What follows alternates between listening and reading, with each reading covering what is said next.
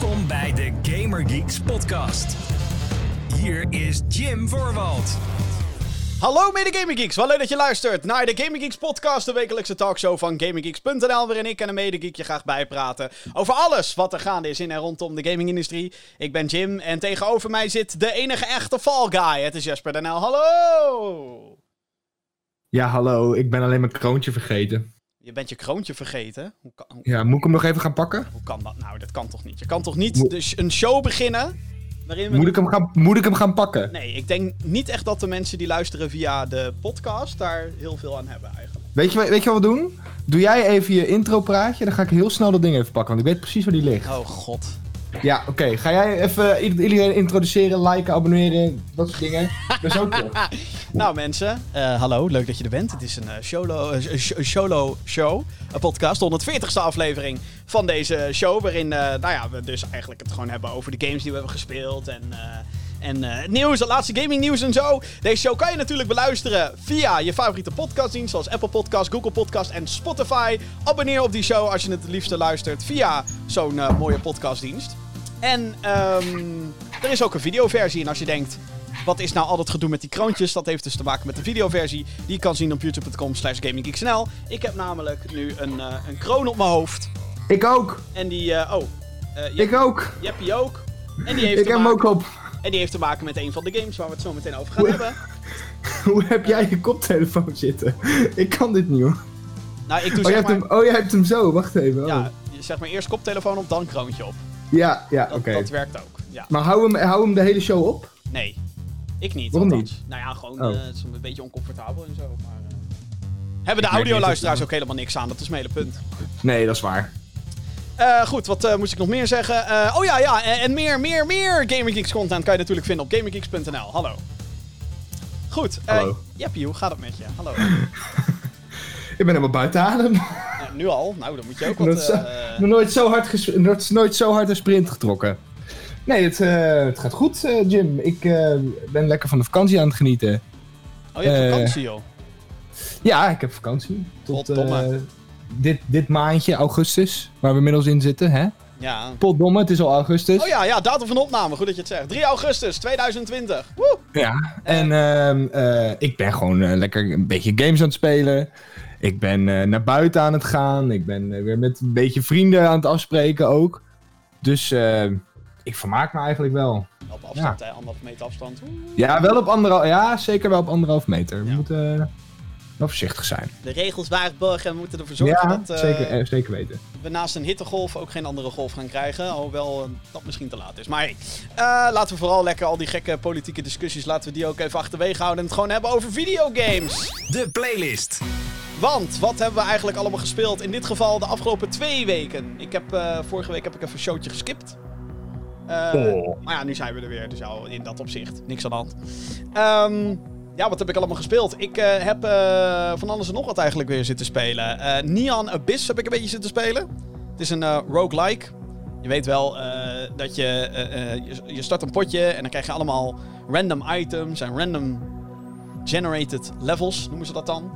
En die items die maken je sterker. Maar als je een beetje de verkeerde combinatie van items koopt, of koopt, unlockt, haalt, verdient, ehm, koopt met in-game geld, zeg maar, muntjes die je op kan pakken en zo, kan het wel eens fout aflopen. Of je kan compleet overpowered raken en dan door al die levels heen gaan. Ehm, het is eigenlijk een beetje eh, Binding of Isaac meets Enter the Gungeon, eh, maar dan in 2D. Dus dat je van links naar rechts loopt. Eh, en, als, en als dat klinkt als een leuke combinatie, dan kan ik zeggen: ja, Neon Abyss is denk ik wel een, een leuke game. Is uitgekomen op Steam een paar weken geleden. En ehm, ja, dat is een beetje nu een soort van mijn snack game, zeg maar. Als ik gewoon met iemand op, oké. di- op Discord zit te lullen, ah, ik doe even op de achtergrond even. En eh, wat maakt Neon Abyss, zeg maar, beter dan al die andere roguelikes? Ah, dat, dat, heb Of ik niet, dat, heb ik niet dat heb ik niet gezegd. Dat dat, Ja. dat, dat, dat, dat per definitie het geval is. Maar, ehm, Wat maakt het weer anders, zeg maar? nou wat ik net zei, het is in 2D. Dus het is, eh, kijk, Enter the Gungeon is van top-down perspectief. Dus dat is zeg maar een beetje Zelda-achtig eh, dat idee. Ja, oké, op die manier. En ehm, ja, dat is wat ik al zei. eh Neon Abyss is van links naar rechts. En nou zijn er wel meerdere roguelikes geweest, zoals Dead Cells. Maar Dead Cells is dan weer heel erg eh, Castlevania, Metroid. Want die wilde ik inderdaad noemen, want dat is eigenlijk mijn favoriete roguelike. Ja, dat snap ik ook wel. Dus, en daar moest ik gelijk aan denken toen je, toen je dit beschreef, zeg maar. Ja, maar dit is echt wat meer. eh, echt gewoon Enter the Gungeon, maar dan een ander perspectief. Oké. En iets minder creatief. dat wel. Eh, verder heb ik eh, Rogue Company gespeeld. Ik weet niet of jij van deze game gehoord hebt, overigens. Ik heb de naam Rogue Company wel eens horen vallen. Maar voor mij klinkt het zeg maar als een oorlogsgame.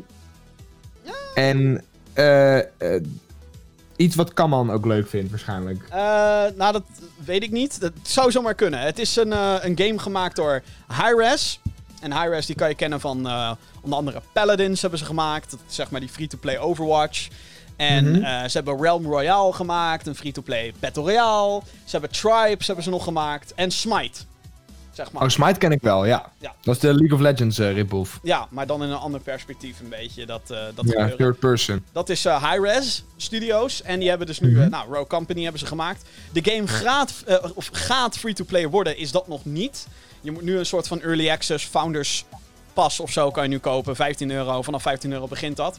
Het is op PC en Nintendo Switch nu, geloof ik. Oké. En ik heb hem op PC. En ehm, ja, het is eigenlijk een third-person Counter-Strike. Is het makkelijkste om te omschrijven. Dus je, je, je begint, het is 4 tegen 4. Twee teams Mhm. van 4. En je springt uit een vliegtuig om een beetje dat Battle Royale dingetje erin te houden. En ehm, iedereen kiest een character. En elk character heeft een bepaalde loadout qua guns die je kan kopen. Per ronde krijg je geld op basis van hoeveel kills en of je gewonnen hebt of niet. A la Counter-Strike dus een beetje. Ehm, en elk character heeft dus, hè, het ene character heeft een sniper en een, en een soort van zoomed-in gun. En de ander heeft een shotgun en een submachine gun. En weer een ander character heeft een assault rifle. Al die characters hebben ook abilities. Eh, dus zo is er een gast en die kan hacken. Dus die kan gewoon ergens een dingetje neerleggen en dan eh, worden mensen gereveeld op het moment dat ze daar in de buurt lopen. Anderen hebben een soort van mijntje die meteen ontploft. Nou, het is, eh, of een grenade launcher. Nou, je, je snapt het wel. Een andere guy kan bijvoorbeeld in één keer zo'n schild neerploppen. Dus zo komen die characters een beetje... Ja, een beetje Overwatch-achtig. Het is een beetje een third-person Counter-Strike met een beetje Overwatch erin gemengd. Zo van, oh ja, ja, Ja. characters, dat vinden mensen leuk Ja. tegenwoordig.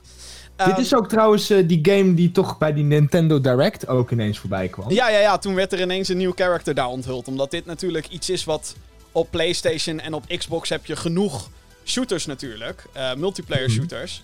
Maar ja, dit soort shit. Om het ja, even- Overwatch zit op, op Switch. ja, dus ja, ja, maar dit is echt wat meer. Dit is echt veel meer. ehm, Tactischer, eh, zeg maar. Ja, dit is echt gewoon tactisch bedoeld.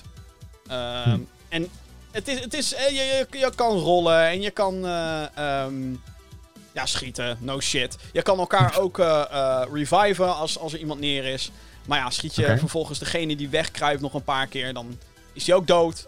Dus het is allemaal, het is allemaal niet zo gecompliceerd. En het is allemaal ehm, ja, een beetje basic. En ik denk ook dat dat een beetje de, de, de, ja, hoe noem je dat? Een beetje de insteek moet zijn van wanneer je deze game gaat spelen. Je moet er niet heel veel van verwachten, maar je moet vooral verwachten, oh ja, we gaan even, even knallen. Er zijn eh, Ja. op dit moment ook maar een aantal modes in de, of twee modes in de game. Eh, eentje is ehm, dat je punten moet overnemen. Gewoon erop Ja. staan en dan hè, krijg je punten. Of je moet het andere team eh, een, een aantal keren elimineren. Dan heb je tickets. Eh, domination, eh, zeg maar, Ja, van Call gewoon of Duty. Domination, maar dan met een beetje team deathmatch er doorheen gegooid. Omdat je niet oneindig kan respawnen. Ja, ja. Eh, en de andere, eh, en dat is dus, vind ik ook de leukere mode, dat is dus gewoon Counter-Strike. Eén team valt aan en de andere, het andere team moet verdedigen. En het aanvallende team heeft een bom die ze bij dan wel A, dan wel P moeten planten in elk level. Ehm, en het verdedigende team moet dat natuurlijk tegenhouden. Of als het ze niet lukt, eh, de bom defusen. En dan moeten ze er een paar seconden bij staan. Dat, eh, Ja, een beetje het idee. Ja, het is een beetje. Het, het is een beetje. ehm, een beetje hakkelig, een beetje houterig, een beetje stijfjes in hoe het bestuurt, weet je wel? Dat je zoiets hebt van, oh Mhm. ja, het is net niet... Het heeft niet de bewegingsvrijheid van een... eh, nu ga ik even een heel overdreven voorbeeld noemen, maar van een Titanfall of zo. Weet je wel, je, je kan niet sliden, je kan wel rollen, wat ik al zei, maar het voelt gewoon allemaal niet zo heel... ehm, Het is wat langzamer misschien. Ja en nee, want je gaat best wel snel dood ook. Ik bedoel, als je iemand in zijn zicht hebt en je schiet er echt een paar keer op, dan is hij echt wel neer. Eh, je hebt wel regenerating health. Dat wel. Oh, dat is zo chill. Ja, nou ja, maar ja. Want ik je- merk altijd in dit soort games dat ik juist behoefte heb aan, aan, ja, aan iets of iemand die me kan healen naast eh, een teammate, zeg Ja. maar. Ja, dus het is wel. eh, het is een aardig spelletje. Dit is ook zo'n game die ik af en toe gewoon eventjes tussendoor speel. Ehm, Ik zou vooral lekker wachten totdat die free-to-play, daadwerkelijk free-to-play wordt. Op dit moment ehm, koop je echt alleen nog maar toegang tot de game. Als je eh, besluit om nu voor 15 euro. Of je hebt ook wat andere founders packs dat je wat meer skinnetjes krijgt en zo. Dus zij, dat is dus het gekke. Er zijn niet eens zo heel veel skins op dit moment te unlocken. Hmm. Eh, voor characters überhaupt nog nul. Van wat ik heb gezien. Eh, wat ik al zei, er zijn nog maar twee game modes. Ja, dat is eigenlijk wel een beetje, weet je wat? Het is, het is gewoon zo'n game die... Oh ja, ja, de, de basis is er. Maar nu de rest eromheen nog. Eh, er zijn Ja. ook niet heel veel levels. Nou, dat, daar, daar kunnen we allemaal denk ik wel mee leven dat er eh, tegen die tijd meer levels in komen. Maar wat deze game echt nodig heeft, en dit, dit, hier word ik altijd zo pissig om. De game heeft niet echt een straf of een systeem eh, die mensen die weggaan afstraft. Ja, dus dat je een penalty krijgt als je een game halverwege leeft. Ja, Eh, nou althans dat idee heb ik. Want ehm, het is niet alsof ik ehm, zelf ben weggegaan naar matches of zo. Want ik vind, je echt een lul als je dat doet in dit soort games. Mhm. als, je, als je gaat committen voor een match, moet je die match gewoon afmaken. In, Ja, in, in multiplayer-only games. Ehm, maar ja, ik heb gewoon eigenlijk best wel vaak gehad dat je gewoon een beetje bezig bent met je team. En vervolgens gaat er eentje weg. Kijk, weet je, als je Battlefield speelt met 32 versus 32, dan is dat wat minder impactvol dan in een game waarin 4 tegen 4 het geval is. En het is niet zo alsof er iemand die aan een, eh, voor een match aan het zoeken is, dan vervolgens bij mij erbij gedaan wordt of die iemand vervangt. Dus ja, je bent Hij is gewoon permanent een, een plekje kwijt. ja, zeg je bent gewoon de lul. Of als iemand weggaat, is het gewoon 3 tegen 4. Nou, dan heb je natuurlijk heel vaak. Wat er dan gebeurt, is dat er dan nog iemand weggaat. Dus ben je 2 tegen 4. Ja, kansloos. Ben je gewoon echt je tijd aan het verdoen. Ik haat dat. Ik haat het Ja. als een game ehm, dan niet. Of gewoon zegt: Yo, dit is nu kansloos. Jullie hebben nu gewonnen. Veel plezier met je dag. En dan zou je natuurlijk kunnen zeggen: Hé, hey, dat is lullig. Maar ja. Ik, wat ik helemaal haat is mijn tijd verdoen. Wetende dat ik een match toch al ga verliezen. Omdat Ja, er iemand weg is gegaan. En ik heb dus echt het idee dat er geen penalty shit in, in, in, in werking is. Omdat mensen heel makkelijk weggaan in deze game. En dat is echt wel een, een probleem op dit moment. Ja, dat is wel echt wel shit, ja. Dus ik zou zeggen, als je deze game gaat spelen, vind sowieso drie andere mensen waarmee je dat kan doen. Eh, maar ik zou vooral zeggen, wacht even met, eh, totdat hij echt free-to-play is. Want ik denk dat dan eh, deze game het beste tot zijn recht komt. Maar goed, heel veel tijd heb ik daar ook niet voor gehad in alle eerlijkheid. Want ik ben voor een merendeel bezig geweest met Ghost of Tsushima! Uiteraard. Ghost of Tsushima! Die fucking Japanse imitaties ook van jou. Ja, ik weet het, het spijt me. Maar nee, ja, eh, Ghost of Tsushima is een... ja, ik vind het een heerlijke game. Ik, het is een beetje... Ja, het is eigenlijk gewoon een soort samenvatting van PS4, maar dan in een game gedropt met een unieke setting. Het is open world. Het heeft eh, heel veel cosmetics, maar niet in de vorm van microtransacties. Eh, Heel goed. eh, het heeft stealth, het heeft keiharde actie, het heeft een cinematic storyline die helemaal in lijn is met de rest van PlayStation, weet je wel. Er zit drama in, er zit hier en daar ook een beetje humor in met bepaalde characters Ik ben, natuurlijk. Ik ben zo jaloers dat ik dit... Ah, ik wil dit zo graag spelen, Jim. Ja, je wilt go- ik zit hier zonder mijn PlayStation 4. ja, jij bent zeg maar de enige van Gamer Geeks die geen, eh, Ik heb geen PlayStation 4, nee. geen PS4 heeft. Nou ja, goed. Eh, ik heb daar eigenlijk tot op de dag van vandaag nog steeds spijt van dat ik dat niet gedaan heb. Ja, nou ja, kijk, weet je wat het is? Je moet natuurlijk een beetje keuzes gaan maken aan het begin van zo'n generation. En jij hebt natuurlijk ook best wel lang gewacht met het halen van de PS4. Gewoon op het moment dat wij met z'n allen, bij Gamer Geeks althans, hebben gezegd... Nou, nu kan je beter wachten tot de PlayStation 5. Toch? Nou ja, kijk, ik had altijd al wel zoiets van, ja... Ga, ik, kijk, ik heb... eh, Oké, kleine backstory. Ik heb eh, toen... Mijn eerste console was een Xbox 360. Omdat heel veel mijn vrienden console? toen op Xbox... Wat, wat zei je? Was dat jouw eerste console? Ja, was mijn, ja, tenminste, mijn eerste Die je zelf had of niet, zo? niet, no- niet Nintendo console, laat het zo zeggen. Oh, oh, dat, oh, dat is dus dat is Nintendo discriminatie is dat. Nintendo criminatie, nou whatever. Ik wil daar een woord Ja, oké, maar ik vind, ja, in dat opzicht, Nen- Hoe Nintendo is durf je de altijd... Wii geen console te noemen, lul? Nou, nee, dat, zo bedoel ik het niet, maar ik bedoel als in... Nintendo doet toch eigenlijk altijd zijn, zijn eigen dingetje. En Nou, ik vind niet dat eh, Xbox, Xbox en PlayStation zitten heel erg bij elkaar in het vaarwater natuurlijk. Ja, nu wel. Ja. ja, dat is eigenlijk sinds de Wii-era dat ze dat eh, hebben gedaan eigenlijk. Het is wel heel grappig eigenlijk. Ja, jij, jij hebt... Holy shit, ik voel me oud nu, by the way. Maar jij hebt dus eigenlijk nooit het Nintendo meegemaakt... wat gewoon naast PlayStation en Xbox... Ja, dat is ook maar één generatie gebeurd, maar... De eerste. eh, mijn eerste spelcomputer ooit. was denk ik de Game Boy. Oh ja, De originele Game Boy, denk ja ik. de Game Boy. Dat was dat, was dat chunky ding. eh die was dat de grote- Game Boy? Dat grote, grote grijze... zo, pff, grote, Grote grijze blok. Ja, ja. ja, dat was mijn eerste console. Maar. ehm, waar ik naartoe wil met dit verhaal. Oh ja, sorry. Ja, ja. Ik, nee, ik, ik voelde me, op een gegeven moment voelde ik me heel oud. Het spijt me, ja.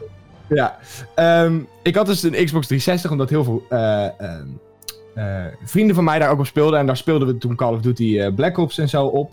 Toen was ik eh 14, 15, mocht eigenlijk helemaal niet, maar goed. Eh, heb ik wel gedaan. En ehm, toen was eigenlijk voor mij en mijn ouders, ik was toen 16 toen ik de, eh, 16 of 17 of zo, toen de Xbox One uitkwam. Wow. Was daar eigenlijk, eigenlijk een logische stap. Van ja, oké, ehm, Ja, we gaan dan een Xbox One kopen. Want je hebt dan games die weer crossplay kunnen. Dan hoef je niet die, eh, al die games weer opnieuw te kopen. was crossplay toen een ding? Of je bedoelt backwards compatibility? Ja, ba- backwards eh, compatibility, dat bedoel ik. dus dat je je Xbox 360 diskjes in de. Xbox One kon doen. Wat bleek was helemaal niet waar in 2013. Kut, sorry. Nee, het was wel alleen maar voor selecte games. Maar ja, wisten wij veel, weet Nou ja, wel. zelfs toen nog niet, hè. De Xbox One was in het begin helemaal niet backwards compatible nog. Dat hebben ze later toegevoegd. Oh, Wist je dat niet? Jezus. in mijn idee was het al... Nee, Echt? nee, nee, ja, nee, echt. Het was, dat was een van de redenen waarom... ehm, nou, kijk, kijk, PS4 is ook nooit backwards compatible geweest met PS3. Ehm, Mhm. Maar nee, dat was toen een van die eh, controversiële dingen. Dat Xbox ging bij de announcement van de Xbox One. Was het, hey, Connect vereist. Was de eerste paar maanden ook zo. Hè, Connect Ja. vereist, moet aangesloten zijn. Moet je erbij aanschaffen. Althans, dat zat gewoon in het pakket eigenlijk. Mhm. En ehm, ja, we gaan jou eh, een, een, eh, om een fooi vragen als jij tweedehands games probeert te installeren. Gewoon elke game die jij ook met een disc in je Xbox One zou douwen. Dit is trouwens allemaal weggehaald natuurlijk voor launch, omdat iedereen zoiets had van wat fuck. Maar het idee Mhm. was dat als jij een tweedehands Xbox One game ergens vandaan had, of je leent hem van een vriend, of je haalt hem bij een tweedehands winkel, whatever, dan kreeg je een pop-up op je scherm van yo, deze game is al, of deze disc is al geregistreerd geweest bij iemand anders. Je moet nu een ons betalen geld. om dit, ja, überhaupt te kunnen spelen. Nou, iedereen over de zeik. En volkomen terecht, want wat de fuck is nog het nut van een disc tray? Als je op die manier gaat handelen, dan kan je net zo goed gewoon geen fucking fysieke games meer uitbrengen. En we hebben het Nee, hier dan natuurlijk over 2013, hè mensen. Dat klinkt nog best recent, maar dat is zeven jaar geleden. En eh, ja, toen waren fysieke games nog de normaalste zaak van de wereld. Ja. Dus, ehm, hè, en, en nu geven ze je ook een keuze. Nu is het natuurlijk, hè, je krijgt een PlayStation 5 Digital Edition zonder disk drive. En dan moet je inderdaad al je games gewoon, eh, hè, gewoon digitaal kopen. Of eh, een diskversie, maar het is niet zo dat als ik een tweedehands game koop, dat, dat er dan een pop-up komt. Whatever. Ja, precies. Maar goed, sorry. Ehm, ik, ik, ik, ik, sorry, We dwalen weer af, we Ja. dwalen weer af. Nee, ik moest je even corrigeren, want het was toen niet zo dat toen die Xbox One uitkwam. Daarna. Nee, oké. Goed, whatever. Ja, sorry. Maar eh, ik heb hem dus gekocht toen ik 16, s- s- 15, 16 was, denk Jezus. ik ongeveer. Dus ja, ik zat toen nog niet zo heel erg in het wereldje, weet je wel. Ik vond game- gaming wel leuk, maar ja, het was toch, eh, het was toch gewoon, of gewoon voor, de, voor het vermaak, weet je wel. Het was niet echt maar dat ik maar in, in verdiepte. Dus hè, Xbox One was een logische stap. Ja. Eh, niet, niet wetende dat natuurlijk PlayStation al die fucking vette exclusives en zo had. Microsoft had op de een of andere manier echt wel gewoon voor elkaar gekregen dat iedereen de Xbox zag toen als een heel goed platform. En Halo was nog helemaal de shit. En eh, Gears of War was natuurlijk eh, flying high. Forza. Nou dat, dat- ik heb wel het idee dat die franchises nu allemaal wat minder relevant zijn geworden. For whatever reason. Nou ja, ze hebben bijna allemaal wel een installment gehad waarvan iedereen zei... Eh, eh, Ik weet het niet zo goed. Ik weet het niet zo goed. Nee, maar ik, ik, ik kan je eigenlijk niet eens blamen dat je toen voor een Xbox One bent gegaan eigenlijk. Nee, want het, ja, het was een hele logische stap. Want ik had al een Xbox. Ik weet je, ik had ook al. Volgens mij kon je de controllers, kon je die ook daarop gebruiken? Oeh, dat weet ik niet eigenlijk. Oeh. Volgens mij wel. Dus sowieso de bedraden controller kon je erop Oh, gebruiken. dat, dat klinkt wel logisch, ja. ja. Maar de, de draadloos weet ik eigenlijk niet. Ehm, maar goed. En ja, eh, Xbox One gekocht. En toen later kwam ik inderdaad bij GamerKeeks. En toen ontdekte ik een beetje wat de PlayStation 4 nou eigenlijk was. Kwam je tussen een aantal PlayStation fanboys kwam je. Zo, maar echt. En eh, toen dacht ik eigenlijk wel, shit man. Ik mis eigenlijk wel iets. Jesper, die En- li- eh, be like The Last of V. The Last of Me. Horizon Zero wat? Horizon Zero, wat hè? Ja. en, Resident en Cranky, sindsdien, sindsdien heb ik gewoon... Krijg ik zeg maar elke maand dat PlayStation vette shit aankondigt... Krijg ik nog en nog, nog meer spijt. En nog meer jaloezie naar mensen die een PlayStation 4 hebben. Nou, dat is eigenlijk wel mooi, want zometeen hebben we dus eigenlijk een, een overzichtje van de Xbox Game Showcase. Dat we het daar in deze show nog helemaal niet over hebben gehad. En ik ben oprecht benieuwd wat jij er dan van vindt. Maar goed, Ghost of Tsushima is eigenlijk een van die redenen dat jij denkt... Kut, had ik maar een Playstation gehaald. Ja, om eh, even terug op het onderwerp Ja. te komen. Ja, eh, ja, inderdaad. Ghost of Tsu- Tsushima... Tsushima... Ik kan het niet eens Ghost, zeggen. Ghost of Tsushima! Dat game about het, is zo, het, het ziet er zo fucking lijp uit. Het en gewoon heel die sfeer. Die eh, gewoon. Ik kan het niet eens in woorden uit, uitdrukken hoe jaloers ik op jullie ben dat jullie dit kunnen spelen. Want het ziet er zo ontzettend vet uit. Ja, het is Gewoon- echt... eh, ehm, De hele sfeer, de gameplay, de, het verhaal. eh, noem het allemaal maar op. Ik, ik kan er gewoon niet over uit. Ik ja, ben. nee, het is echt zo'n... Het is een... ehm, wat ik al zei... zo hard. als dit de laatste grote PlayStation exclusive is, of PS4 exclusive, en dat is het denk ik ook. eh, er komen, natuurlijk komen er nog games uit voor PS4. ehm, maar, en misschien ook nog wel van PlayStation Studios zelf. Mhm. Hè, de, de, zeg maar de hoofduitgever, de first party, om het maar even zo te noemen. Ja. Maar ehm, als, dit, als dit de laatste is, is er denk ik bijna geen betere game om de gigantisch goede generatie die Sony heeft gehad, om die hiermee af te sluiten, zeg maar. Om te zeggen, hey, ja, dit, is, eh, dit is onze ehm, Zelda Twilight Princess voor de PS4, zeg maar. Wat Twilight Ja, Princess was voor de Gamecube, dat was dit voor, eh, of dat is dit dan voor PlayStation 4. Ehm, ja, dit is, dit is ontzettend. Het is een zo'n ontzettend fijne open world game. Het is eigenlijk gewoon wat je zou willen eh, als je zegt Assassin's Creed in Japan. Mhm. Zeg maar neem daar alle goede punten van en dat is deze game. Eh, Ja. en, en, nou goed, ik heb zo'n obsessie met open world games. Dat als ik een map zie vol met vraagtekentjes, moet bij mij alles weg. Ik heb deze game als een bezetene zitten spelen. En ja, er zijn gewoon hele toffe characters. Er zijn toffe. eh, de storyline gaat ook wel echt een toffe kant op op een gegeven moment. Maar ja, dat kan, dat kan best wel lang duren voordat je daar bent. Hè? Een beetje afhankelijk Mhm. van ehm, hoeveel zij-content je doet. Ja. Ehm, maar ja, nee, dit, dit is eh, een fantastische game. Ik, eh, ik ben nog niet klaar met de game. Eh, ik ben nu in act 3 van de, volgens mij, 3. Dus eh, het, het einde nadert voor Ghost of Tsushima. Oeh. Ja, voor de main storyline waarschijnlijk. Ja, ja, maar ik doe echt alle zijcontent al. Hè. Dus als ik in een nieuw gebied van de map kom, dan is het van... Oké, ik ga nu een rondje rijden met mijn paard. En dan zie ik allemaal van die vraagtekens. Dan ga ik naar al die locaties toe. En als je naar al die locaties toe gaat, dan krijg je ook vaak... eh, van die, eh, van die eh, dorpelingen. En die hebben dan een speechbubble boven hun hoofd. Dus van... Oh, ik hoorde van... Kazuya Mishima in het eh, vissersdorpje dat hij hulp nodig heeft. En dan krijg je een quest dingetje in je, op je kaart. Ah, daar is een quest. En dan Kazuya Mishima. Wat is er aan de hand? Dat, dat zegt hij zo niet. Maar Ja. eh, dan zegt hij... Ah, Lord Sakai. The Mongols have taken our territory. En dan is het van... Fuck yeah. ik ga ze allemaal kapot maken. Eh, Zo. ja, en, en ja, wat ik al zei, ik doe heel lacherig, zeg maar, die, die, die Japanse stemmetjes doe ik na. Maar dat is gewoon echt... eh, wanneer deze acteurs, die, die zijn supergoed met hun characters. Maar op het moment dat er dan Japanse woorden komen, of namen... dan merk je toch wel dat ze in één keer een soort ander accent aannemen. Dus dan is het ook... We must retake... Ah nee, zo zeggen ze het. We must retake Castle Canada.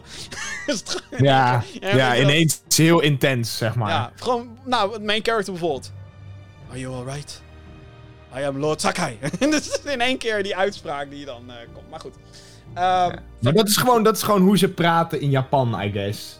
I guess, ja. Ik, ik, ben, ik ben daar zelf nooit geweest, maar door deze game wil ik, Ik er wel ook heel niet. graag heen of zo. Ja, nee, het is eh, een hele goede game. Eh, volle recensie volgt nog, maar eh, ja, ik ben, ik ben nog steeds hooked. Ik ben nog steeds... Zodra die PlayStation 5 hier is, jongen. Woe. Ik ga zo hard alles inhalen. Ik ga Horizon Zero Dawn inhalen. Ik ga God of War inhalen. Ik ga Last of Us inhalen. Ik ga Ghost of Tsushima inhalen. Ik ga Spider-Man inhalen. Spider-Man. Je wil het niet weten. Nou, dan heb je heel wat in te halen, ja. Dan zijn Ja. we je, dan zijn we je heel, heel het jaar... En dan, komt, en dan komt Cyberpunk nog. Cyberpunk 2077. Oh my god, ik ga dood in het najaar, denk ik. Nou ja, ik weet wel dat er eh, weinig sociaal leven dan eh, meer is, zeg maar, op deze aardbol. Zo, maar echt. Ik ben gewoon vanaf november tot juni volgend jaar dan gewoon niet te spreken, denk ik. Nee, dat zeg ik ook elke keer. Ja, verplichtingen en zo. Ja, dat is waar. Ja. Hey, ehm, jij hebt ook nog een gamepie gespeeld. En dat is niet zomaar een game. Dat is een game waar we straks ook nog nieuws over hebben. Maar Ja. dat komt eh, straks wel even. Ja. Eh, jij Je hebt... start wel een heel mooi het Nintendo-liedje in, maar ja, het is niet echt Nintendo natuurlijk. Godsamme, nee, ik zing een ander kutliedje dan... eh. ja, het mag wel. Ik vind het wel een leuk liedje, maar mensen verwachten nu Mario natuurlijk. nou, eh, jij hebt gespeeld. Een game Ja. die niet op Nintendo Switch uitkomt. Maar eh, Nee. op eh, PlayStation 4... Nou, PlayStation 4 en PC. En PlayStation 4 Mhm. nog een hele specifieke manier. Maar daar komen ze op terug. Pam, pam, pam. Dat is een teaser, dames en heren. Teaser. Eh, Fall Guys heb jij gespeeld in beta het afgelopen weekend. Ja, dat klopt. Het was, eh, ik vond het eigenlijk wel gek dat er dit weekend een beta was, want deze game komt letterlijk op het moment van opname morgen uit. Ja, En dan doen ze dit weekend nog een beta. ik denk dat dit gewoon een server stress test was, joh. Dat denk ik ook. En dat vind ik ook helemaal niet erg, want het voelde voor mij een beetje als early access. Zo van, eh, je mag de game een paar uur eerder al spelen, of een dag. Ja, als Ehm. in, in de letterlijke vorm, early access, ja. Ja, nou ja, inderdaad. En eh, het, het fijne was eh, dat, dat er heel veel keys werden, werden uitgegeven door Devolver Digital, de uitgever. Ja. Ehm, en ik was een van de gelukkigen die hem al kon spelen. Naast dat ik hem al gepreorderd had. Oké, even, even, even dingetje. Fall Guys is een, een ehm, ja, ze noemen het een Battle Royale, maar het enige wat hier eigenlijk Battle Royale aan is, is dat je met heel veel spelers begint en eentje wint. Ehm, en je moet het eigenlijk zien als die spelshows op televisie, zoals Wipeout en Ninja Warrior. Maar dan Ja, en Ta- heel... Takeshi Castle heet het, geloof ik. Ook, ja, er zijn in Japan zijn er talloze van dit soort, eh, van dit soort eh, gameshows, geloof ik. Ja. Maar ehm, ja, het is een beetje dat. Ehm, elke speler begint, of althans, eh, je begint met 60 spelers. Je komt in een soort parcours terecht. Je moet gigantische ballen ontwijken. Je moet als eerste bij de finish komen. Je moet door muren heen lopen. Eh, je speelt Ja. als hele schattige characters. En er vallen een aantal af bij elke ja, circuit, parcours. Moet ik het denk ik noemen. Ja, elke ronde noemen ze het. Hmm. En eh, nou ja, na, dan vallen er 12 af of zo. En daarna vallen er weer een aantal af. En uiteindelijk is er dus eentje die kan die, eh, die kroon pakken. Hè? In eh, minigame 3 of 4, geloof ik. Hoeveel minigames zijn Ja, er? het, het ligt er een beetje aan hoeveel mensen er in één keer afvallen. Oh. Er zijn ook minigames waarin, je, eh, waarin er niet verplicht iemand afvalt. Oh, oh. Dus stel er valt dan niemand af, ja, dan komt er nog een ronde bij. Oh ja, dan wordt het, eh, dan wordt het spannend. Dus, Ja. Dus een beetje categorietje, er kan nog van alles gebeuren. Ja, ja, exact. Ja, eigenlijk wel. Ja. Maar eh, ja, dit is een eh, ehm, extreem charmant uitziende game. Het is super kleurrijk, het is super chaotisch. Het is, ik denk dat ehm, de jongere gamers onder ons hier ook helemaal los op gaan. Lijkt Zeker me. weten. Eh, jij hebt het dus gespeeld. En ik denk wat uitgebreider dan wij op Gamescom hebben gedaan afgelopen augustus. Vorig jaar, jezus, vorig jaar al. Ja, jeetje, dit is echt al een jaar geleden inderdaad. Ja. Tijd gaat snel. Nee, ik heb inderdaad eh, de game nu wat uitvoeriger gespeeld. Op Gamescom hebben wij volgens mij eh, elke keer ook dezelfde maps gespeeld. Dus dezelfde objectives, zeg maar. Ja. Ehm, en toen waren we al heel erg onder de indruk van hoe leuk het eigenlijk was. En hoe chaotisch ook vooral. Want dat, daar komt ook de charme vandaan, denk ik. ja, je wordt gewoon game. melig van deze game, zeg maar. Ja, maar echt. En eh, nou, nu heb ik dus de game al, al even kunnen spelen. Ik denk dat ik er eh, in totaal een uurtje of drie, vier nu eh, in heb zitten. En ik kan echt met zekerheid zeggen dat dit echt een van de, nou ja, niet misschien niet beste games, maar wel een van de leukste games van dit jaar gaat zijn. Oh, Kijk eens aan. Want holy fuck, wat heb ik een plezier gehad met deze game. Kijk. Ik heb echt tranen gelachen. Echt tranen gelachen. Eh, het, het, en ik, ik heb trouwens ook met controllers gegooid, daar niet van. Maar Oh, ja. Eh, want het kan, het kan ook af en toe heel erg frustrerend zijn. Maar dan toch heb ik dan zoiets van, nou, ik wil eigenlijk nog wel één potje doen. Kijken of ik nog kan winnen, weet je wel. oh ja, ja, ja, ja. En eh, wat, ik, wat ik er vooral zo een beetje verslavend aan vind. Want ik was, ik was echt hoekt op een gegeven moment. Ik zat één middag te spelen. Ik deed echt potje na potje na potje. Waar ik dat bij andere Battle Royales helemaal niet heb. Ja, maar wat ik al Eh. zei, moet je dit echt gaan vergelijken met Call of Duty Warzone en Fortnite? nee, absoluut toch? niet. Het is ook- Nee, het is ook absoluut niet niet. alsof Maar je allemaal in een groot level dropt of zo. Dat is allemaal niet van toepassing. zeg maar, in essentie is het natuurlijk... Zodra je doodgaat, kan je niet meer terugkomen. Nee, het, het enige wat dit met Battle Royale te maken heeft, dat je, is dat je met heel veel spelers begint en dat er uiteindelijk Ja. eentje wint. Dat, that's it. Exact. Exact. Ehm, maar de minigames ehm, zijn elke keer toch weer verschillend, net verschillend genoeg. En ook vooral eh, de spelers natuurlijk waarmee je speelt eh, eh, zijn altijd weer anders. En je begint ook elke keer op een andere plek. En die variatie maakt, er, maakt het er echt voor dat het ook leuk is om potje op potje op potje op potje te blijven spelen. En niet dat je, nadat je alle levels gespeeld hebt, dat je denkt van nou, ik heb het nu eigenlijk wel gezien. Ik vind het wel weer, ik vind het wel weer goed, ik zet het nu weer uit. Nee, Ja. ik voel echt, zeg maar, binnen, binnen in mij die drijf van ik wil gewoon winnen en dan kan ik, eh, dan kan ik vredig gaan slapen. Dat kroontje gaat gepakt worden, Verdana. exact. En ehm, wat je net zei, wat deze game al heel erg speciaal maakt naast wat je speelt, is gewoon echt de charme die ook gewoon van het scherm afspat. Gewoon. Ja. Het is heel kleurrijk, het is heel erg bijna kinderlijk. Eh, de, de minigames, iedereen snapt het. Ik kan dit aan mijn oma nog uitleggen en die snapt het nog. Het is, het is eigenlijk niet de perfecte, maar wel een hele goede eh partygame. Ja. Voor thuis op de bank. Misschien wel de ideale partygame voor de huidige generatie, omdat het online is, het is groot en het is, zeg maar... Ja, zeker weten. Oké. Ja, ik heb er heel veel zin in. Ja, wat, wat je net al zei, eh, op het moment van opnemen verschijnt hij morgen. En volgens mij hebben we al wat Gamer Geeks assembled om eh, morgenavond een paar potjes te gaan doen. Zeker Dus weten. eh, ja, heel veel zin in. Maar oké, we moeten. Het is echt dat. Die, dat enthousiasme, de hype, is real. 100k kijkers op Twitch, elke, elk moment van de dag is hartstikke terecht dus, zeg jij. Ja, zeker weten. Want wat ik net zei, de, de minigames zijn echt gevarieerd genoeg. Eh, eh, er zijn trouwens, wat je net nog niet benoemde. ehm, er zijn natuurlijk minigames waarin je, ehm, hè, je, je van A naar B moet komen. En als je dat niet haalt, dan ga je af. Eh, maar er zijn ook minigames waar je in teams tegen elkaar moet spreiden. Dus je zit ineens Oh, ja, ja. in een team met andere mensen. En je moet Mario bijvoorbeeld. Party gewoon. Eigenlijk. Ja, je moet, je moet ineens moet je met. eh, is het. nou, er zijn nog 12 mensen over. Is het 6 tegen 6. En eh, dan moet je letterlijk Rocket League gaan spelen. Dus er komt een bal in het Oh. midden. En zorg maar dat je tegen die bal aanspringt en dat die bij die andere in het doel komt. Dat is grappig. En er is ook eentje waar, waar er heel veel eitjes in het midden liggen. En nou, ga maar een eitje pakken en leg hem maar in je netje. Eh, maar andere spelers kunnen hem daar ook weer uithalen.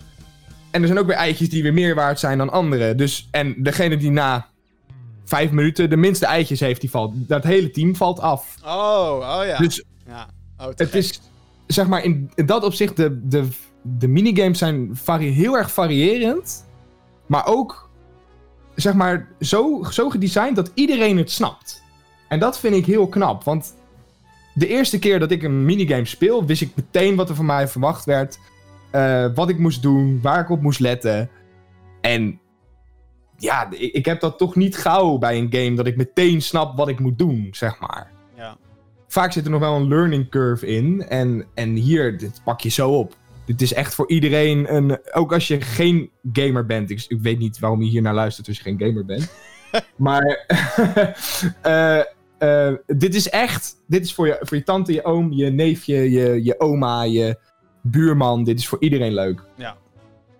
Ja, nee, dat eh, Ik ben lyrisch. klinkt Je goed. merkt Ik, het. eh, ja, ik, ik kan niet wachten. 4 augustus, oftewel, op het moment dat je dit luistert, is de game hoogstwaarschijnlijk al gewoon beschikbaar op PC en PlayStation 4. Zometeen in de Gamer Geeks podcast. Hebben we ook leuk nieuws over Fall Guys? Hey. Hey, als je een PlayStation 4 in, hebt, eh, in huis hebt, althans. En we hebben heel veel nieuws vanuit de Xbox-hoek. De vrienden van de show, Team Reptile, die hebben een nieuwe game aangekondigd. En we gaan natuurlijk de mailbox openen. Podcast.gaminggeeks.nl Dus heb jij een vraag voor deze show? Je bent er nu aan het luisteren en je hebt iets zoiets van... Jim, Jasper, ik wil dit weten. Mail. Podcast.gaminggeeks.nl Nieuws. Gaan we naar het nieuws. Als eerste een, eh, een klein overzichtje.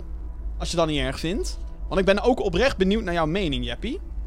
Oké. Eh, ja, ik, heb de, ik moet heel eerlijk zeggen, wat hier nu komt. Ik heb de uitzending niet gezien. Nou, Dus ik weet toch nog niet Oh, jezus. wat erin zit. Oh, nou, dat is mooi, want ik heb een overzicht voor je.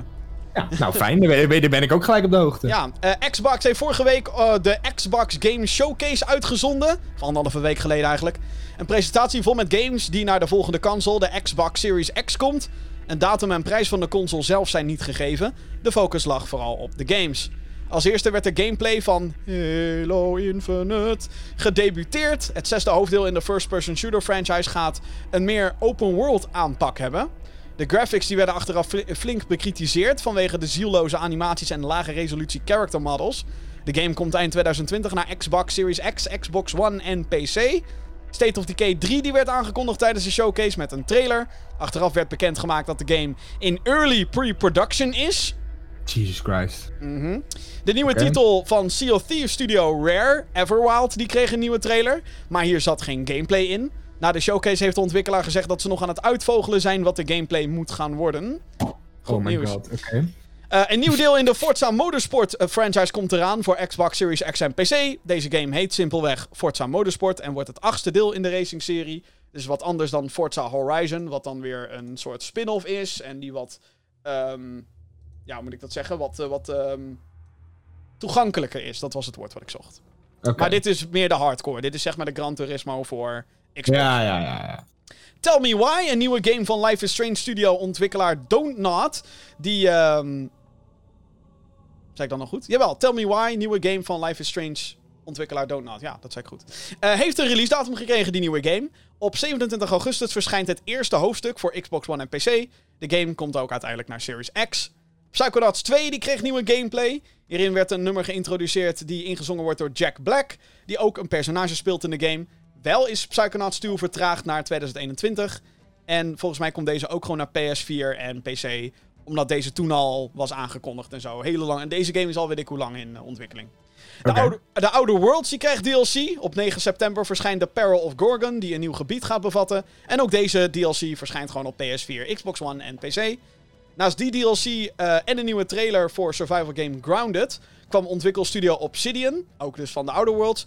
eh, ze kwamen ook nog eens met een nieuwe game. Deze heet Avowed en wordt een first-person RPG. Het speelt zich af in het universum van Pillars of Eternity en lijkt een beetje de Xbox equivalent van Skyrim te gaan worden. Een, andere, een aantal andere games werden bevestigd eh, als zogeheten console launch exclusive voor Xbox Series X en PC. Met andere woorden, haha PlayStation, jullie moeten wat langer wachten op deze game. Games, Mhm. moet ik zeggen. Dit zijn indie-titel As Dusk Falls, First-Person Shooter Stalker 2, Co-op Shooter Warhammer 40k Darktide, Tetris, Tetris Effect Connected, actieplatformer The Gunk, horror game The Medium en Fantasy Star Online 2, een MMO uit Japan. Als iemand een van deze games kent, zeg het mij even. eh, nou, Tetris Effect eh, is al op PS4, maar Connected is dus een soort re-release met multiplayer. En Stalker, de eerste Stalker, is best wel een culthitje op PC, maar die is wel heel oud inmiddels.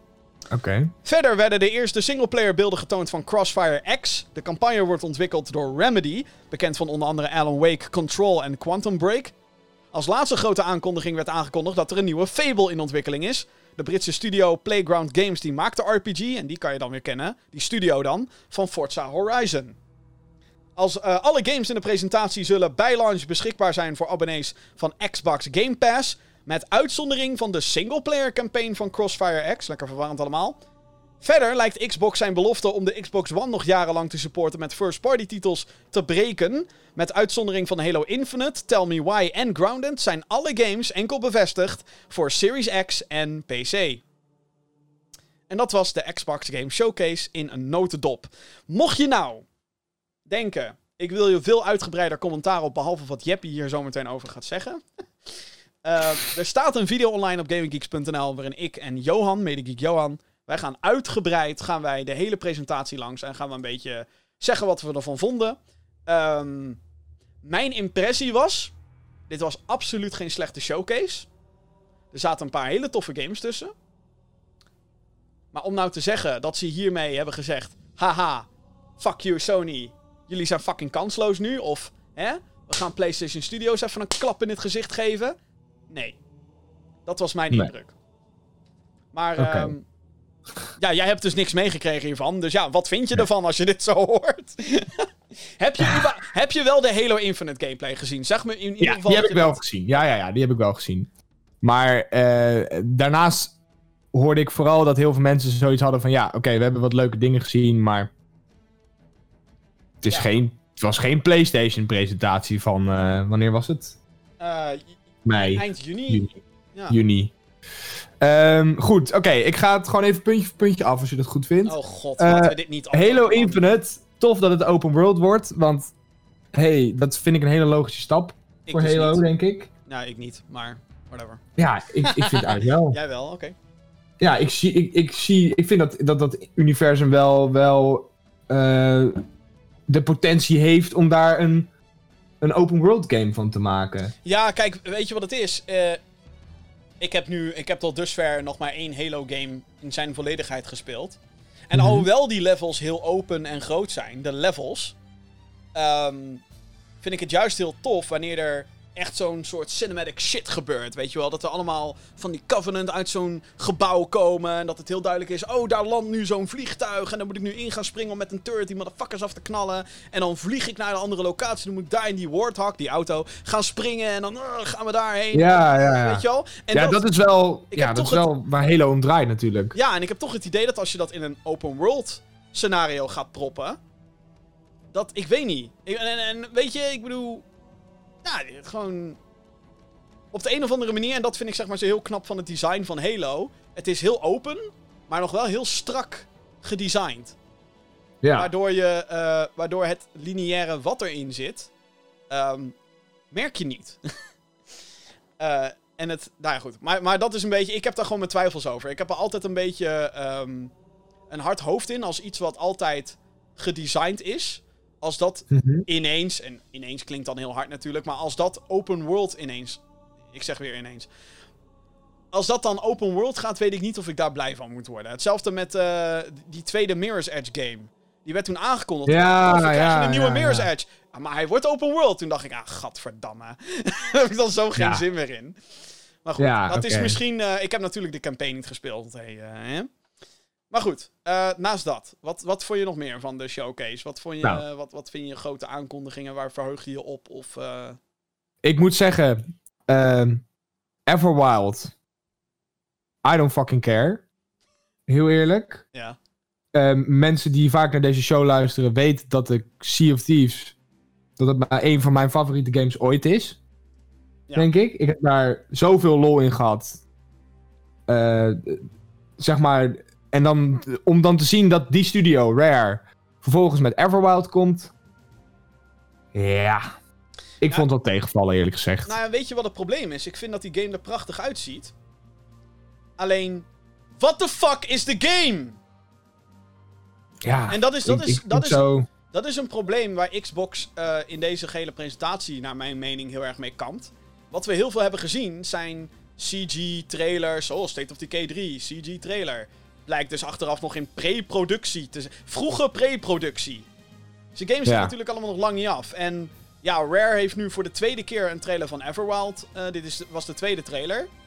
En ze zijn nog aan het Mhm. uitvogelen wat de gameplay wordt. En ik snap het dat je, zelfs tot aan de laatste dag van ontwikkeling, ben je natuurlijk nog dingen aan het tweaken van de gameplay. Lijkt me. Weet je wel? Zeker weten. Ja. Maar inmiddels moet je ons toch wel kunnen vertellen wat voor type game Everwild is. Is het een fucking strategy game? Is het een action RPG? Is het een, is het een melee game? Is het een platform? Wat is, wat is Everwild? Nou ja, als ik, naar de, naar, als ik naar de trailer kijk, denk ik dat het een story-based game gaat zijn. Ja, dat denk je. Eerlijk gezegd.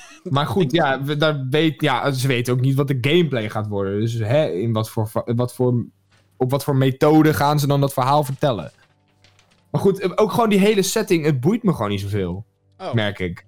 Ik weet niet, ik, ik, voel hem niet zo heel erg of zo. oké. Ik, ik, zou, ik zou dan liever, hoe heet die PlayStation-titel nou ook weer? Waarvan wij zeiden, oh, dit is zo schattig. Eh, k- Ehm. ja, ik weet. KZ en de... Nog iets. Heette die zo? Nee, nee, nee, nee, niet KZ. Kena. Kena, ja, daar had ik meteen zoiets van: dit is leuk, dit wil ik spelen, dit is tof. En hier heb ik dat gewoon niet op een of andere manier. Nee, ik denk dat Misschien dat... ook omdat we niet weten wat voor game het gaat worden. Nou ja, het is, het is natuurlijk... eh, en dat was zeg maar zo krachtig, vond ik, aan die PlayStation Showcase. Is dat ze... En ze hadden echt van die fucking grote klappers... waarvan we ten eerste niet verwacht hadden dat dat ging gebeuren. Ik had Mhm, persoonlijk echt mhm. geen Spider-Man verwacht. En naast dat ze dan openden met GTA 5 op PlayStation 5... had ik ook niet verwacht in alle eerlijkheid. Maar oké, I guess, weet je al. Er komt nog een generatie GTA 5, oké. Maar daarna openden ze die presentatie met Spider-Man. Dat was meteen dat je denkt... Bam, oké. We zijn er. We zijn begonnen. En tuurlijk, Yes. het was voor het merendeel een, een CG-trailer. Maar je zag wel glimpses van gameplay. En hetzelfde met de Ratchet Clank aankondiging die daarna kwam. En dat, die gameplay, die graphics van Ratchet Clank. Daar dacht ik echt, wow, weet je, we Ja, zijn... zeker weten. We gaan next gen, weet je wel. Maar Let's het go. verschil, het verschil, zeg maar, met die presentatie en, en. Of tenminste met die games en met deze game, met Everwild.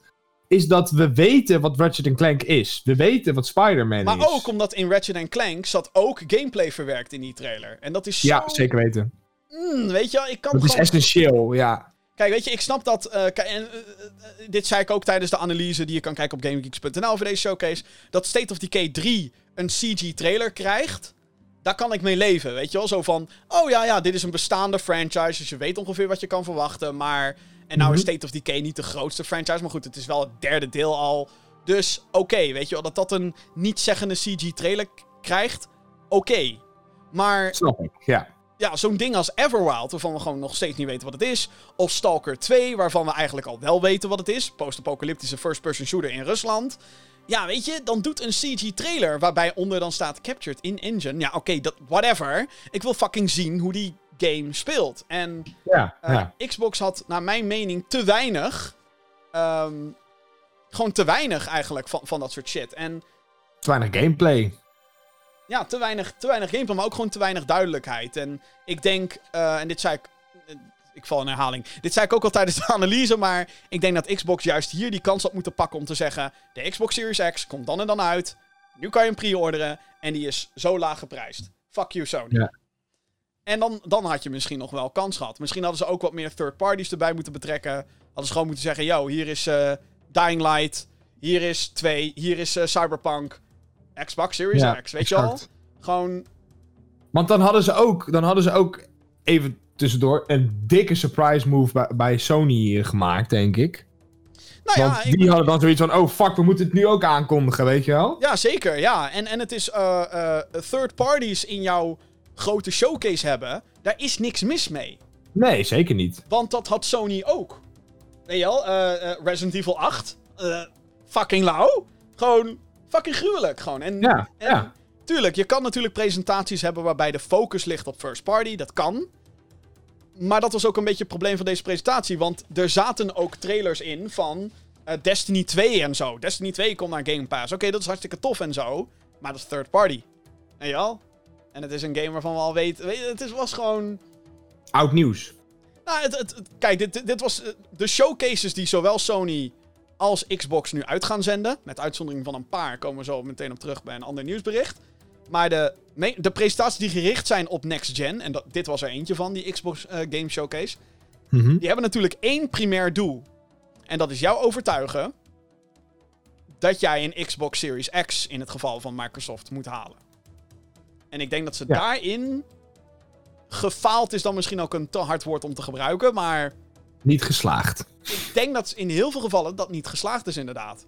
Ja. Ook met het hele vooruitzicht, hey, alles kan je ook op PC spelen, wat natuurlijk bij mij altijd een dingetje al is. Maar, Maar dat is ook gewoon, dat is gewoon een van de grote problemen die Microsoft gewoon heeft. nou ja, ik, denk Omdat je het ook op PC kan spelen. ik denk dat het geen probleem is. Ik denk dat het een, het, eh, ik denk, ik weet zeker dat het een strategie is. Eh, Ja. Wat zij willen is dat jij ehm, games gaat zien als met Xbox. En ik denk dat zij langzaam maar zeker de Sega-route opgaan. Wel, Sega had eerst de Mega Drive, de Saturn, de Dreamcast. Is daarna uit de console war gegaan. Handdoek in de ring. Nu zeg ik niet dat Xbox per definitie de handdoek in de ring gooit. Maar weg van de hardware. En nu gaan we gewoon onze games overal op Nu gaan uitgeven. we gewoon games maken, ja. En Xbox, wat Xbox nu natuurlijk heel erg doet, is de nadruk op Game Pass. Dat, dat die abonnementsdienst. Zij willen gewoon de Netflix worden van games. In de meest letterlijke zin van het woord. Ook met Ja. xCloud die er vanaf september bij komt en dat soort shit. Gewoon, en al die games die ze nu krijgen van, kijk, dit komt allemaal bij die Game Pass. Dat is gewoon waar iedereen het achteraf ook over heeft. Zo van, ja, de games waren misschien niet heel tof. Maar ze zitten al, of, eh, de, de algemene showcase was misschien niet super indrukwekkend. Maar alles komt naar Game Pass. En op het moment dat ze je natuurlijk hoekt hebben dat je zo'n abonnement hebt, dan lijkt het me dat je daarmee een soort van doorgaat en zo. En Ja, zeker als er telkens nieuwe dingen aan weer aan worden toegevoegd. ja, en, en ik denk. Die je dan in principe gewoon gratis kan spelen. Je betaalt wel voor de abonnement natuurlijk. Of ze verkopen je gewoon die games op PC ook. Want ja, dat boeit. Kijk, de, de, de winst van de meeste consolemakers. Dit geldt overigens ook gewoon voor PlayStation. De winst komt niet van het verkopen van die console. Komt door de verkopen van de games. Want Ja, zeker. 20% van elke game die jij koopt gaat naar dan wel Sony voor PlayStation, Microsoft voor eh, Xbox. En op Steam is het volgens mij zelfs nog erger. Daar gaat 30% van wat je koopt gaat direct naar Steam.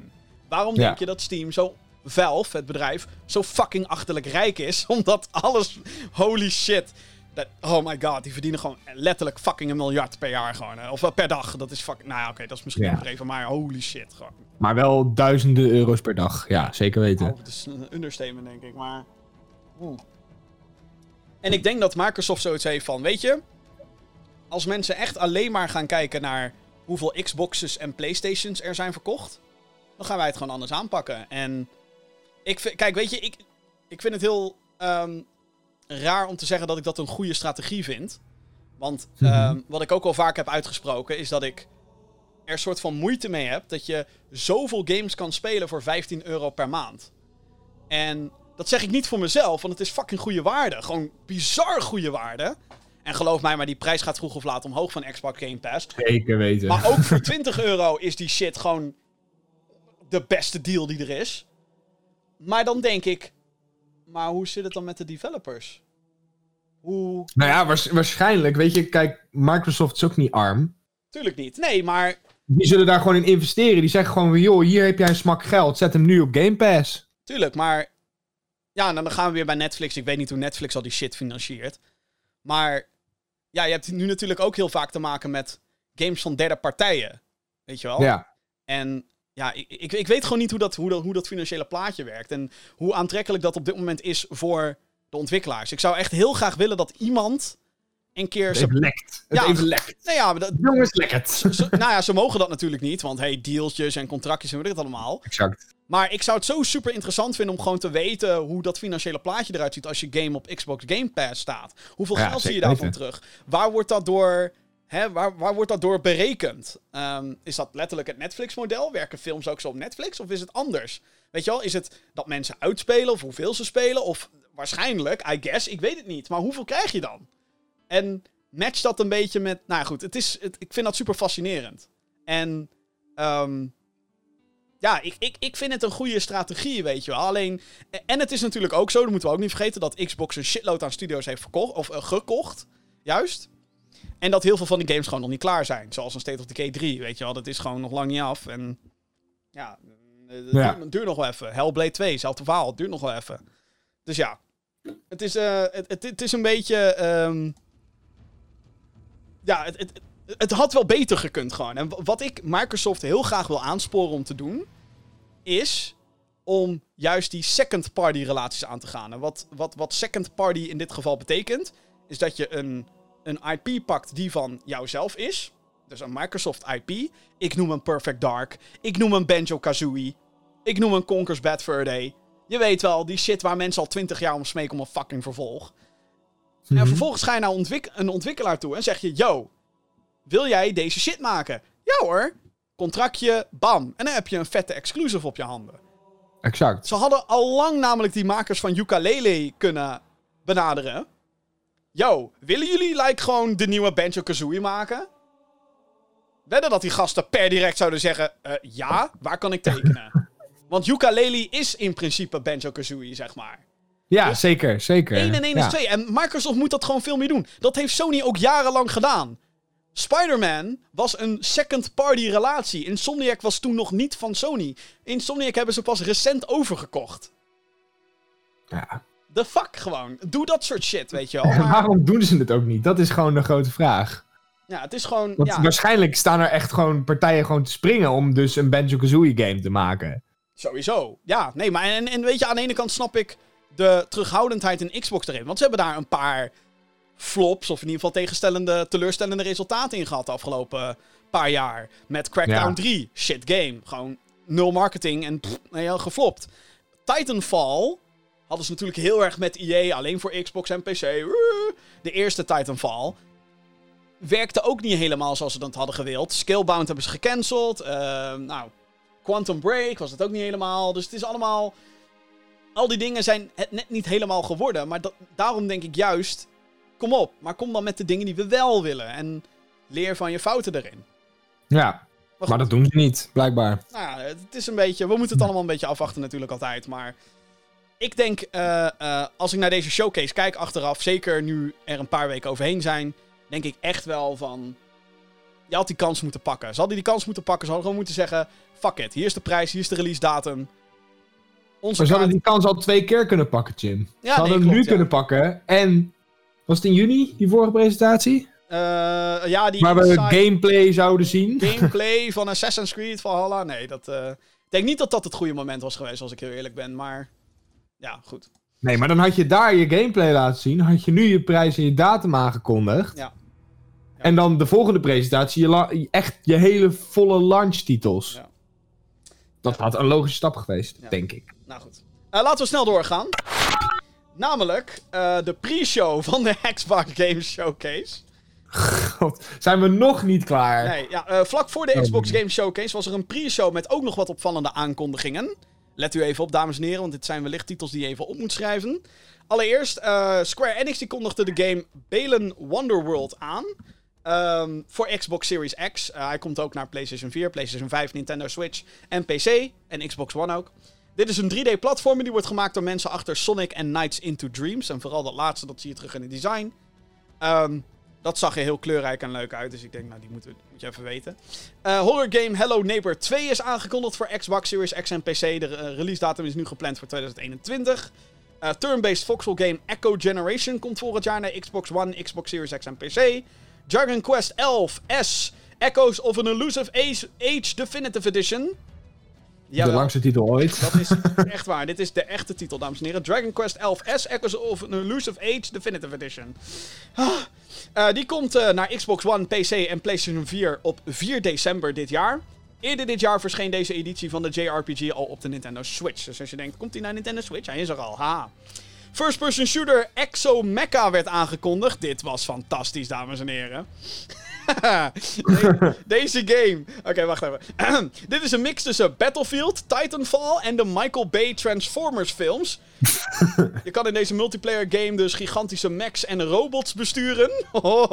Deze game komt free-to-play naar Xbox One, Xbox Series X en PC in 2021. Waarom zat dit niet in je fucking showcase? Echt waar. Heb je de beelden gezien hiervan? Dit ziet er zo lauw Nou, uit, ik zit jongen. nu even te kijken, maar dit ziet er wel echt fucking lauw uit. Het is zo vet, jongen. Gewoon Battlefield met over de top Pacific Rim, Titanfall, Michael Bay Transformers. Let's go! Dit is fucking lauw. Dit, dit gaan we spelen. Nu hopen dat het nog werkt allemaal, maar Ja, dat is ook altijd bij de vraag. dan zat het een beetje, inderdaad, het een beetje de vraag.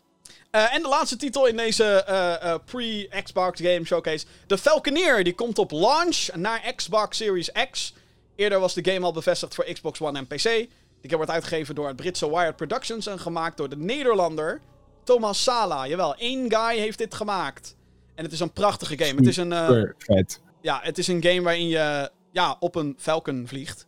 Verwacht het niet. Maar dan ook in een open wereld en het ziet er super vet uit. Super vette sfeer. Een beetje Star Wars Rogue Squadron-achtig, maar eh, dat op een Falcon. Op een vogel. Ja, nee, eh, wat die gast allemaal voor elkaar heeft gekregen, het is on, ongekend. In zijn eentje, hè? In zijn Ja, eentje. What the fuck, het is Allemaal ongelooflijk. enige, maar ja, gewoon. Wij hebben hem op eh, Gamescom even gesproken. Ja. Afgelopen jaar. En je hebt hem ook al één keer eerder on- ontmoet, Ja, op, op Indigo vorig jaar inderdaad, ja. ja. En ook zo'n toffe en gepassioneerde gast. Gewoon. Ja, nou, ik, eh, ik, eh, hij, hij liet mij zo die game zien. En ehm, ik speelde het even natuurlijk. En ik zei op een gegeven moment... Jij liegt gewoon. Ik zei gewoon niet die- tegen die guy. Jij liegt. No way dat je dit in je eentje gemaakt Jawel, ik heb het in mijn- in mijn eentje gemaakt. What the fuck, bro. Heb je enig idee hoe indrukwekkend dit is? Dat je... Ja, nou ja, ik vind het er ook goed uitzien, zegt hij dan. ja, nee, ja, ja ik, vind, ik ben ook wel tevreden met de look van de game. Ik zei, bro, what the fuck Ja. gewoon. Ja, dat is echt niet normaal. Ja. Ik weet zeker trouwens wel dat hij ergens assistent is. Hij zal niet de muziek gecomponeerd hebben, dat lijkt me sterk. Maar, hè, eh, what the fuck. Het, is gewoon- het is echt niet normaal. Bizar. Echt niet normaal. Dat, Heel erg hyped hij, voor. eh, hij de staat, hij staat zeg maar ook wel op mijn most wanted list als we zeg maar weer gasten in deze podcast gaan eh, uitnodigen. Dan, eh, Nou ja, misschien als de game uitkomt, dat hij dat wel ziet Nou ja. zitten. Thomas, ik vraag me af. Ik denk niet dat hij naar deze show luistert. Ik denk dat hij, als ik hem een mailtje sturen, wie de fuck ben jij? Maar eh, bij deze ben je uitgenodigd om, eh, om, eh, om een keer aan te schuiven in deze show. Want ik, wil je, ik wil je brain picken, zeg maar. Oké. Ja. ehm, ja, dat was de pre-game showcase. Waarvan ik echt denk, waarom zit de Falconeer niet gewoon in je daadwerkelijke showcase? Waarom zit... Ja. Waarom een pre... Whatever. Dat is wel raar. Whatever. Opvallend nieuws over, je raadt het niet, Halo. oh god. Oh my god. Ja, het spijt me. Het spijt me, maar we moeten het hierover hebben. Want dit is, dit is nog nooit eerder gebeurd. Nee, ik, nou, of nou, nog nooit eerder. Nou ja, in deze franchise sowieso niet. Want dit is wel echt, eh, echt bizar. Oké, na wat geruchten heeft het Twitter-account van Halo bevestigd dat het multiplayer gedeelte van Halo Infinite, de nieuwe die eind dit jaar uitkomt, free-to-play wordt. Hiermee is dus ook bevestigd dat als je de game koopt, je dus in principe betaalt voor de singleplayer open world campagne. Wat de gratis client van Halo Infinite precies gaat inhouden en hoe er dan wel geld verdiend wordt, dat is niet bekendgemaakt. Wel Microtransactions. ja, ik denk dat we daar wel op moeten rekenen, ja. Wel is bevestigd dat de multiplayer dus gratis speelbaar ga- gaat zijn op eh, PC, Xbox One en Xbox Series X. Deze kan draaien tot 120 frames per seconde, werd er nog vermeld. Hiermee wordt ongetwijfeld verwezen naar de Xbox Series X Eh calling Nou ja. it right now. Dames en heren, neem dit maar op voor future reference. Deze game gaat een Battle Royale mode krijgen. Vroeg of laat. Misschien niet bij launch. 100%. Maar kom maar door. Wat vinden we hiervan? Dat Halo een free-to-play fucking multiplayer gaat krijgen? Wat? Ik vind dit echt een hele eh, gewaagde move. Ja, je vindt het niet. Want eh, er zijn ook heel veel mensen die Halo alleen spelen voor de multiplayer. Zeker, ja. En die hoeven nu niet te betalen. Nee, ik vind dat Call of Duty dat dan net wat slimmer aanpakt, zeg maar. Door de traditionele multiplayer, als je die wil spelen, moet je gewoon Call of Duty kopen. En de campaign en de co-op. De Warzone, de Battle Royale, die is gratis bij Call of Duty. Maar, Ja, maar dat vind ik dan weer logisch of zo. Omdat het, weet je, omdat het Battle Royale genre al zoveel eh, installments heeft, zeg maar. Dus je hebt eh, Apex Legends, je hebt Fortnite, je hebt PUBG, je hebt eh, oh ja, Battlefield. Maar goed, dat is ook alweer dood, dood gegaan. Ehm, dat, vond ik, dat vond ik logisch of zo. En als je echt de Call of Duty multiplayer experience wil spelen, dan koop je de game. Ja. Maar ja, ik weet nog wel. Ik heb Halo ook op mijn Xbox 360 toen gespeeld. En wij speelden eigenlijk... Ik heb die, die singleplayer niet eens aangeraakt, denk ik. Wij speelden alleen maar de, de, de multiplayer. Hmm. Dus ik, ik vind het een heel... Hele gewaagde move. Het is financieel misschien ook een beetje dom. Want Ik, ik, ben, ik ben van- heel erg benieuwd. Ik denk inderdaad dat heel veel mensen nu zeggen, ah, fuck dat, ik ga wel gratis spelen dan biatch. Ja, ja, exact. Ja, ik vind het, ehm, Ik vind het heel gewaagd. ik, ik, ik, eh, ja, nou inderdaad, het is heel gewaagd, maar het is, ik vind het zo riskant dit. Zo Ja, riskant. en- maar als het werkt, is het natuurlijk wel briljant. Nou ja, kijk, als dit gewoon een, eh, een solide multiplayer is waar ze heel veel geld mee kunnen verdienen. Ik bedoel, Battle Pass, let's go, weet je wel. Ongetwijfeld Ja. komt er zoiets in. Ehm, Zeker weten. ja, het is. Het, het, eigenlijk heb je het perfecte woord al gewoon gebruikt. Het is gewaagd. Maar het is wel dat ik dacht. Huh? Wil je. ja, maar gewoon maar serieus. Ik bedoel, eh, eh, weet je, we kunnen veel zeggen over hoe Halo, hè, met, volgens mij met name bij Halo 5 een beetje zijn, eh, zijn shine verloor. Eh, maar ik Ja. ben absoluut geen Halo-expert, dus, eh, maar dat is wat ik een beetje meekrijg van het internet, weet je wel. Ehm, of wat een beetje de vibe is als ik een beetje zoek naar Halo-dingetjes. Mhm. En dit is denk ik toch wel een game. Kijk, we kunnen de graphics bekritiseren en zo. Maar ik denk wel dat de vibe van Infinite, vind ik persoonlijk. Dat doet mij echt denken aan die oudere Halo-games. En ik denk dat dat is wat mensen willen. Heel veel, althans, de Halo-spelers. En om dan te zeggen. Yay, de multiplayer wordt gratis.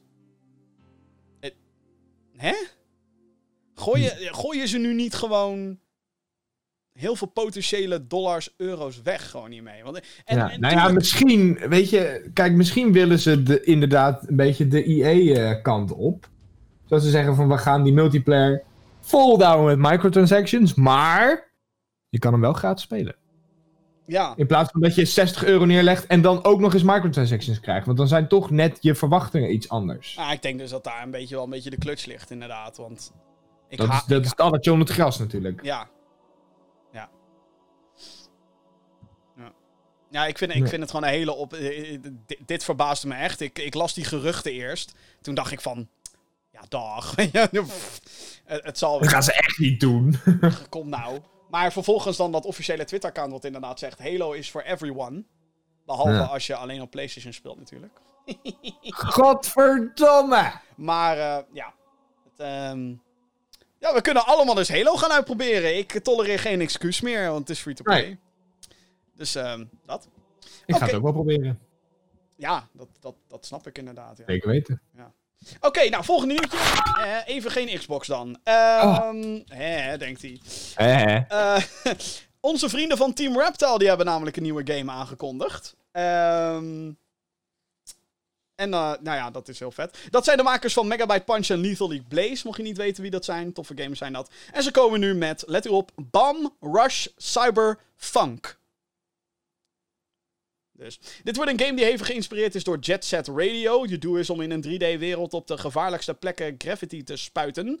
De focus ligt voor nu op een singleplayer campagne. Hideki Naganuma. Ik hoop dat ik dat goed heb uit. eh, Hideki Naganuma. De componist van Jet Set Radio die maakte muziek voor dit project. Hij maakte eerder ook al een nummer voor Lethal League Blaze, de vorige game. Bum Rush Cyberfunk komt eh, naar verluid volgend jaar naar Steam. Of er consoleversies komen is nog niet bekendgemaakt. En om even die Jet Set Radio vibe compleet te maken, er is dus een korte trailer is er gereleased. En die heeft eigenlijk al meteen... Het is letterlijk 40 seconden, by the way, die trailer. Dus het is echt gewoon teaser to the max. Maar er zit ook meteen muziek in, dus... ehm even kijken, waar komt ie?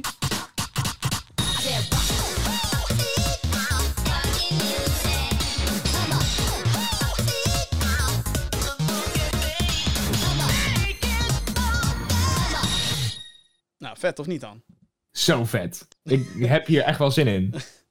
Ja, ik, Ik heb hier... ik weet sowieso dat die gasten hele goede games kunnen maken. Ik bedoel, Lethal League Blaze is echt fantastisch. Dus ehm, Ja, ja, mee eens. dit, eh, dit gaat wel... eh, dit, eh, ik heb Dit, dit, dit gaan we even goed in de gaten houden. En echt die hele Jet Set Radio fanbase is helemaal loco aan het worden. Hè? Die zijn helemaal, oh shit, weet je wel, eindelijk, what the fuck. Want Sega weigert een nieuwe Jet Set Radio te maken. Dus ja, dan, Dan maar dit. dat doen, dat, dan doet Team Raptor dat maar even, ja. Ja, en hoppakee. eh, natuurlijk Holland. Hey. Oké. Oké, ehm, nou, wat ander nieuws dan.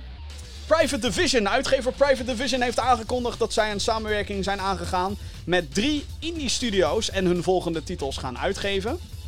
En Hey. ja, nee, maar hier zitten echt een paar. eh, dit was voor mij een beetje een van de grootste nieuwsstukken van de afgelopen week. Ehm, deze studio's zijn League of Geeks, bekend van de game Armello. Dat was een soort bordspel. Volgens mij ook letterlijk een vertaling van een bordspel, een digitale vertaling. Oké. Eh, studio Roll 7, die je kan kennen als de studio achter Olly Olly, een skateboard game, en Not a Hero. Dat was, eh, die is fantastisch. Een Devolver Digital game is dat. Het is echt eh, pixelig, het is chaotisch, het is geinig. Aanrader. En last, but zeker not least, Moon Studios, die eerder dit jaar Ori en The Will of the Wisps hebben uitgebracht. eh, samen met Xbox Game Studios. Meer over de games die ze maken, die drie studio's, is niet bekendgemaakt. Wel had Moon Studios eerder aangegeven dat ze bezig zijn aan een nieuwe actie-RPG. Zoals onge- ongetwijfeld dit project. Private. Private Division is een dochteruitgever van Take-Two, die ook Rockstar en 2K in bezit heeft. Tot dusver heeft de uitgever vier titels onder zijn hoede. Namelijk Ancestors, The Humankind Odyssey, The Outer Worlds, Disintegration en Kerbal Space Program. Een tweede Kerbal Space Program is ook in ontwikkeling. Ja, Oké. Ehm, dit is denk ik meer de richting waar Private Division in moet gaan. Want Ancestors is geflopt. Disintegration is geflopt. Ehm Kerbal is, vind ik ook al eh, een game waarvan ik denk... Oh ja, ja, dat moeten jullie inderdaad doen. En dan inderdaad gewoon de nieuwe games van iets wat kleinere studio's. Die niet de ambitie hebben om tegen de AAA Ja. eh, in, in te gaan. Ja, ja. Ja, we hadden het voor deze show al even eh, in de, in de Gamer Geeks Discord hadden we het even over, de, over Disintegration. En wat wij inderdaad zeiden, van dat deze game eigenlijk gewoon qua marketing heel erg onderuit is gegaan. Ja, Vooral dus- jij had het daarover. Disintegration is de grootste marketingflop van 2020. Het is echt En ehm, ik denk dat ze van de fouten die ze daar gemaakt hebben, ook bij Ancestors trouwens, eh, dat ze juist bij die kleinere studio's nou juist een heel, heel, hele goede slag kunnen slaan. Ja. Omdat ze zo op hun bek zijn gegaan eerst. Ja. Ja, nee, dit... eh, ja, ik bedoel... Ze hebben de makers van Ori and the Will of the Wisps. The Wi- Wisps. Dus, Althans, die wat wil je nog meer? Ik bedoel, ze hebben het niet. Het is niet alsof het nu ineens van Private Division is of zo. Maar ze gaan het uitgeven. ja, ik denk dat... Het is bij, ik vind het bijna belachelijk dat Microsoft niet heeft gezegd... Moon Studios, wij kopen jullie over. Ja. Microsoft. Wat van alle studio's in. Natuurlijk, ze hebben een aantal goede studio's gekocht, daar niet van. Maar. Heb je gezien hoe fucking goed Ori and the Will of the Wisps is? Hebben jullie je eigen uitgegeven titel genegeerd of zo? Waarom heb je die gasten niet opgekocht? Misschien wilden ze het niet, maar. Ze hadden geen geld meer. Ja, Microsoft en geen geld meer. Dat, daar klopt iets niet. daar klopt iets niet. Nee, maar dus ja, eh, good on Private Division. Nu hopen dat die games die ze alle drie eh, aan het maken zijn, dat die vet worden. Ik, ik hoop het wel, ik ga er wel van uit. En ehm, ja, goede vangst voor Private, denk ik. Ja. Goed bezig, jongens. Ja, heel erg goed bezig. Joepie. Dan eindelijk een release datum voor. Oh, sorry, we gaan het weer over Xbox hebben. Na maandenlange stilte heeft Xbox Game Studios een release datum gegeven voor Battletoads. Oh, wacht, ik moet mijn Battletoads handje er even bij pakken. Oh Voor fuck, moet ik die ook nog gaan Voor halen? de videoversie. Hallo, Battletoads. ik heb een handje van Battletoads, een soort foamhandje om mijn hand. Ja, ik heb die bij- ook nog wel ergens liggen, maar ik weet niet meer waar die is. Gamescom. Anyway. Battletoads is een reboot van eh, het beat'em up, eh, up franchise. De eerste game ehm, werd ontwikkeld door Rare. In 1991 kwam die uit voor de Nintendo Entertainment System, althans de eerste console release. Dala Studios, ik hoop dat ik dat goed uitspreek, die neemt de reboot over en gaat voor een typische televisie-cartoon-stijl. Een beetje dat Cartoon Network eh, vibeje zit erin. Ik vind het er heel vet uitzien persoonlijk. De game heeft tot drie speler co-op, maar geen online mode. Hmm. Wat? Of het is die Lala Studios, geen idee trouwens. Whatever. Ehm, ja, geen online mode dus. Eh, op 20 augustus, 20 augustus dames en heren, komt de game naar Xbox One en PC. Een prijs is nog niet bekendgemaakt. Uiteraard is de titel ook onderdeel van Xbox Game Pass. Ja, we hebben deze ook al op Gamescom gespeeld. Ja, We hebben heel veel van deze titels hebben we op Gamescom gespeeld. Om een ja nee, reden. Gamescom 2019, maar goed dat die er nog was. Ja. Want, eh, En eh, ja, ik weet niet meer zo goed. We vonden het wel ik vond de, leuk, maar... Ik, nou, ik vond de stijl vond ik super vet, gewoon. Die cartoonstijl vind ik echt gewoon... Ja, weet je wel, dit is gewoon wat je met Battletoads had moeten doen. Kijk Microsoft, dit is hoe je... Weet je al? Ehm, Dit is hoe je Battletoads doet. Alleen, ja, de, de gameplay voelde niet echt responsive of zo. De impact was er niet echt van je klappen. Het was een beetje iets te chaotisch voor mijn liking. Weet je wel, dat je gewoon echt het overzicht verliest van wat er gebeurt. Maar goed, dat was de eerste keer dat we het speelden. En je zit daar dan ook op, op een bank op een beursvloer. Dus het is altijd een beetje lastig te beoordelen, vind ik. Maar ehm, wat mij nu heel veel zorgen baart, is dat we bijna geen fuck van deze game gehoord hebben. En dat ze Battletoads ook niet meenemen in een Xbox Game Showcase of wat dan ook. Eh, Ja. Nou gaat die na- natuurlijk, die ging voornamelijk over, ehm, hè, over Xbox Series X. En dat is, deze game komt waarschijnlijk, ja, het is wel gewoon speelbaar op Xbox Series X, maar hè, het is niet eh, een next-gen titel of zo. Maar er zit amper marketing achter deze game. En dat is een rode vlag. Dat is. Nee, maar echt waar. Als, als je denkt, hey, ik heb al een tijdje niks meer van deze game gehoord. En die komt over een paar weken uit. Huh? Het is natuurlijk nu wel zo, hè, dames en heren. Het is 2020, het is een raar jaar. Kijk naar wat Nintendo doet. Geen ene fuck. Weet je wel? En er zijn ja, ze droppen ineens iets. ja, dat ineens een. Paper Mario en zo. En eh, dus, dus even... Hè, het is een raar jaar, maar normaliter is het zo dat als een, een uitgever, zeker een grote zoals Xbox, zoiets heeft van nou, we gaan amper marketing doen voor een game, dan is er wat aan de hand met die game. Crackdown 3 kreeg amper marketing en het was shit. Het was een exclusive waar ze jarenlang op hebben gewacht en het was fucking shit. Ehm, wist je nog, Tony Hawk's Pro Skater 5 Gelukkig dat je, maar dat je het niet weet, want het was shit. En Activision had amper marketing gedaan achter die game. Terwijl, hallo, het is fucking Tony Hawk. Waarom hebben ze dat niet gedaan? Omdat het fucking shit was. Waarom geld spenderen aan iets wat fucking shit is? Ehm, ja, dus ik, ik maak me zorgen over deze game. Eigenlijk puur en alleen daardoor. En dat er geen online mode in zit, vind ik fucking raar. Waarom zit er geen online mode in? Ja, dat is wel raar, want toen wij deze game speelden, was juist het multiplayer aspect, of de co-op wat wij dan speelden, was juist wat Ja, nee. deze game dan wel tof maakte. Ja, nee, dat zit er ook gewoon nog in. Alleen, Ja, nee, maar niet, dat je niet, hè, dat wij straks, als wij gewoon online eh, Ja. willen spelen, dat dat dan niet kan. Ja, het is gewoon heel raar. Ik snap dat niet. Ik snap juist dat soort met- met gewoon. meerdere mensen Waarom spelen het kan je dit leuk. niet online spelen? Wat de fuck Ja. is er mis Het met is ook gewoon waarschijnlijk gewoon een switch wat ze hebben uitgezet. Oh ja, ongetwijfeld. Ja, nee, ik, ik, het is zo raar. Het is Zo van, raar. fuck you, geen online mode. Het is toch gek? Ik, ik snap Ja, ik- het, is, het is gewoon raar. Ja, Ah. ja ik ben het ermee eens. Ja. Gewoon, ik, snap jullie niet. Eh, zo snel mogelijk een online mode, AUB. Godsamme. Anyway, eh, Ubisoft heeft aangekondigd dat twee van hun franchises naar Netflix komen. Natuurlijk niet in de vorm van een game, maar in de vorm van iets anders wat je moet kijken in plaats van spelen. Eh, de schrijver achter John Wick die is bijvoorbeeld bezig aan een geanimeerde Splinter Cell serie. De stealth franchise met Sam Fisher als hoofdpersonage heeft al sinds 2013 geen nieuwe game meer gekregen. Dat was Splinter Cell Blacklist.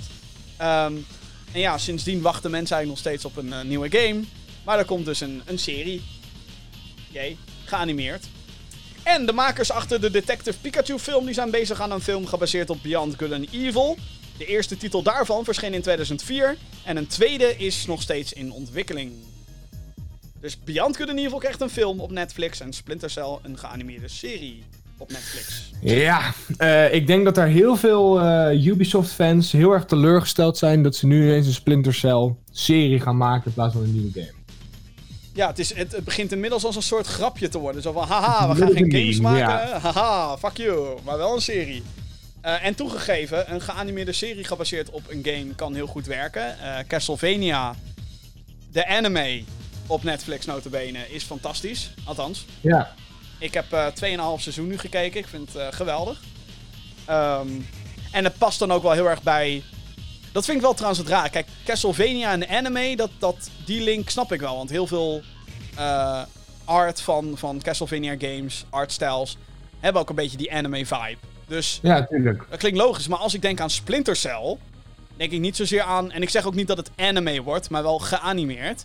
Ja. Ik weet het niet. eh, ik weet niet. Je zou, je zou eerder, verwacht, eerder verwachten dat het live-action zou zijn, juist. Ja, gewoon een live-action film of, of serie. Een beetje à la Jack Ryan op Amazon.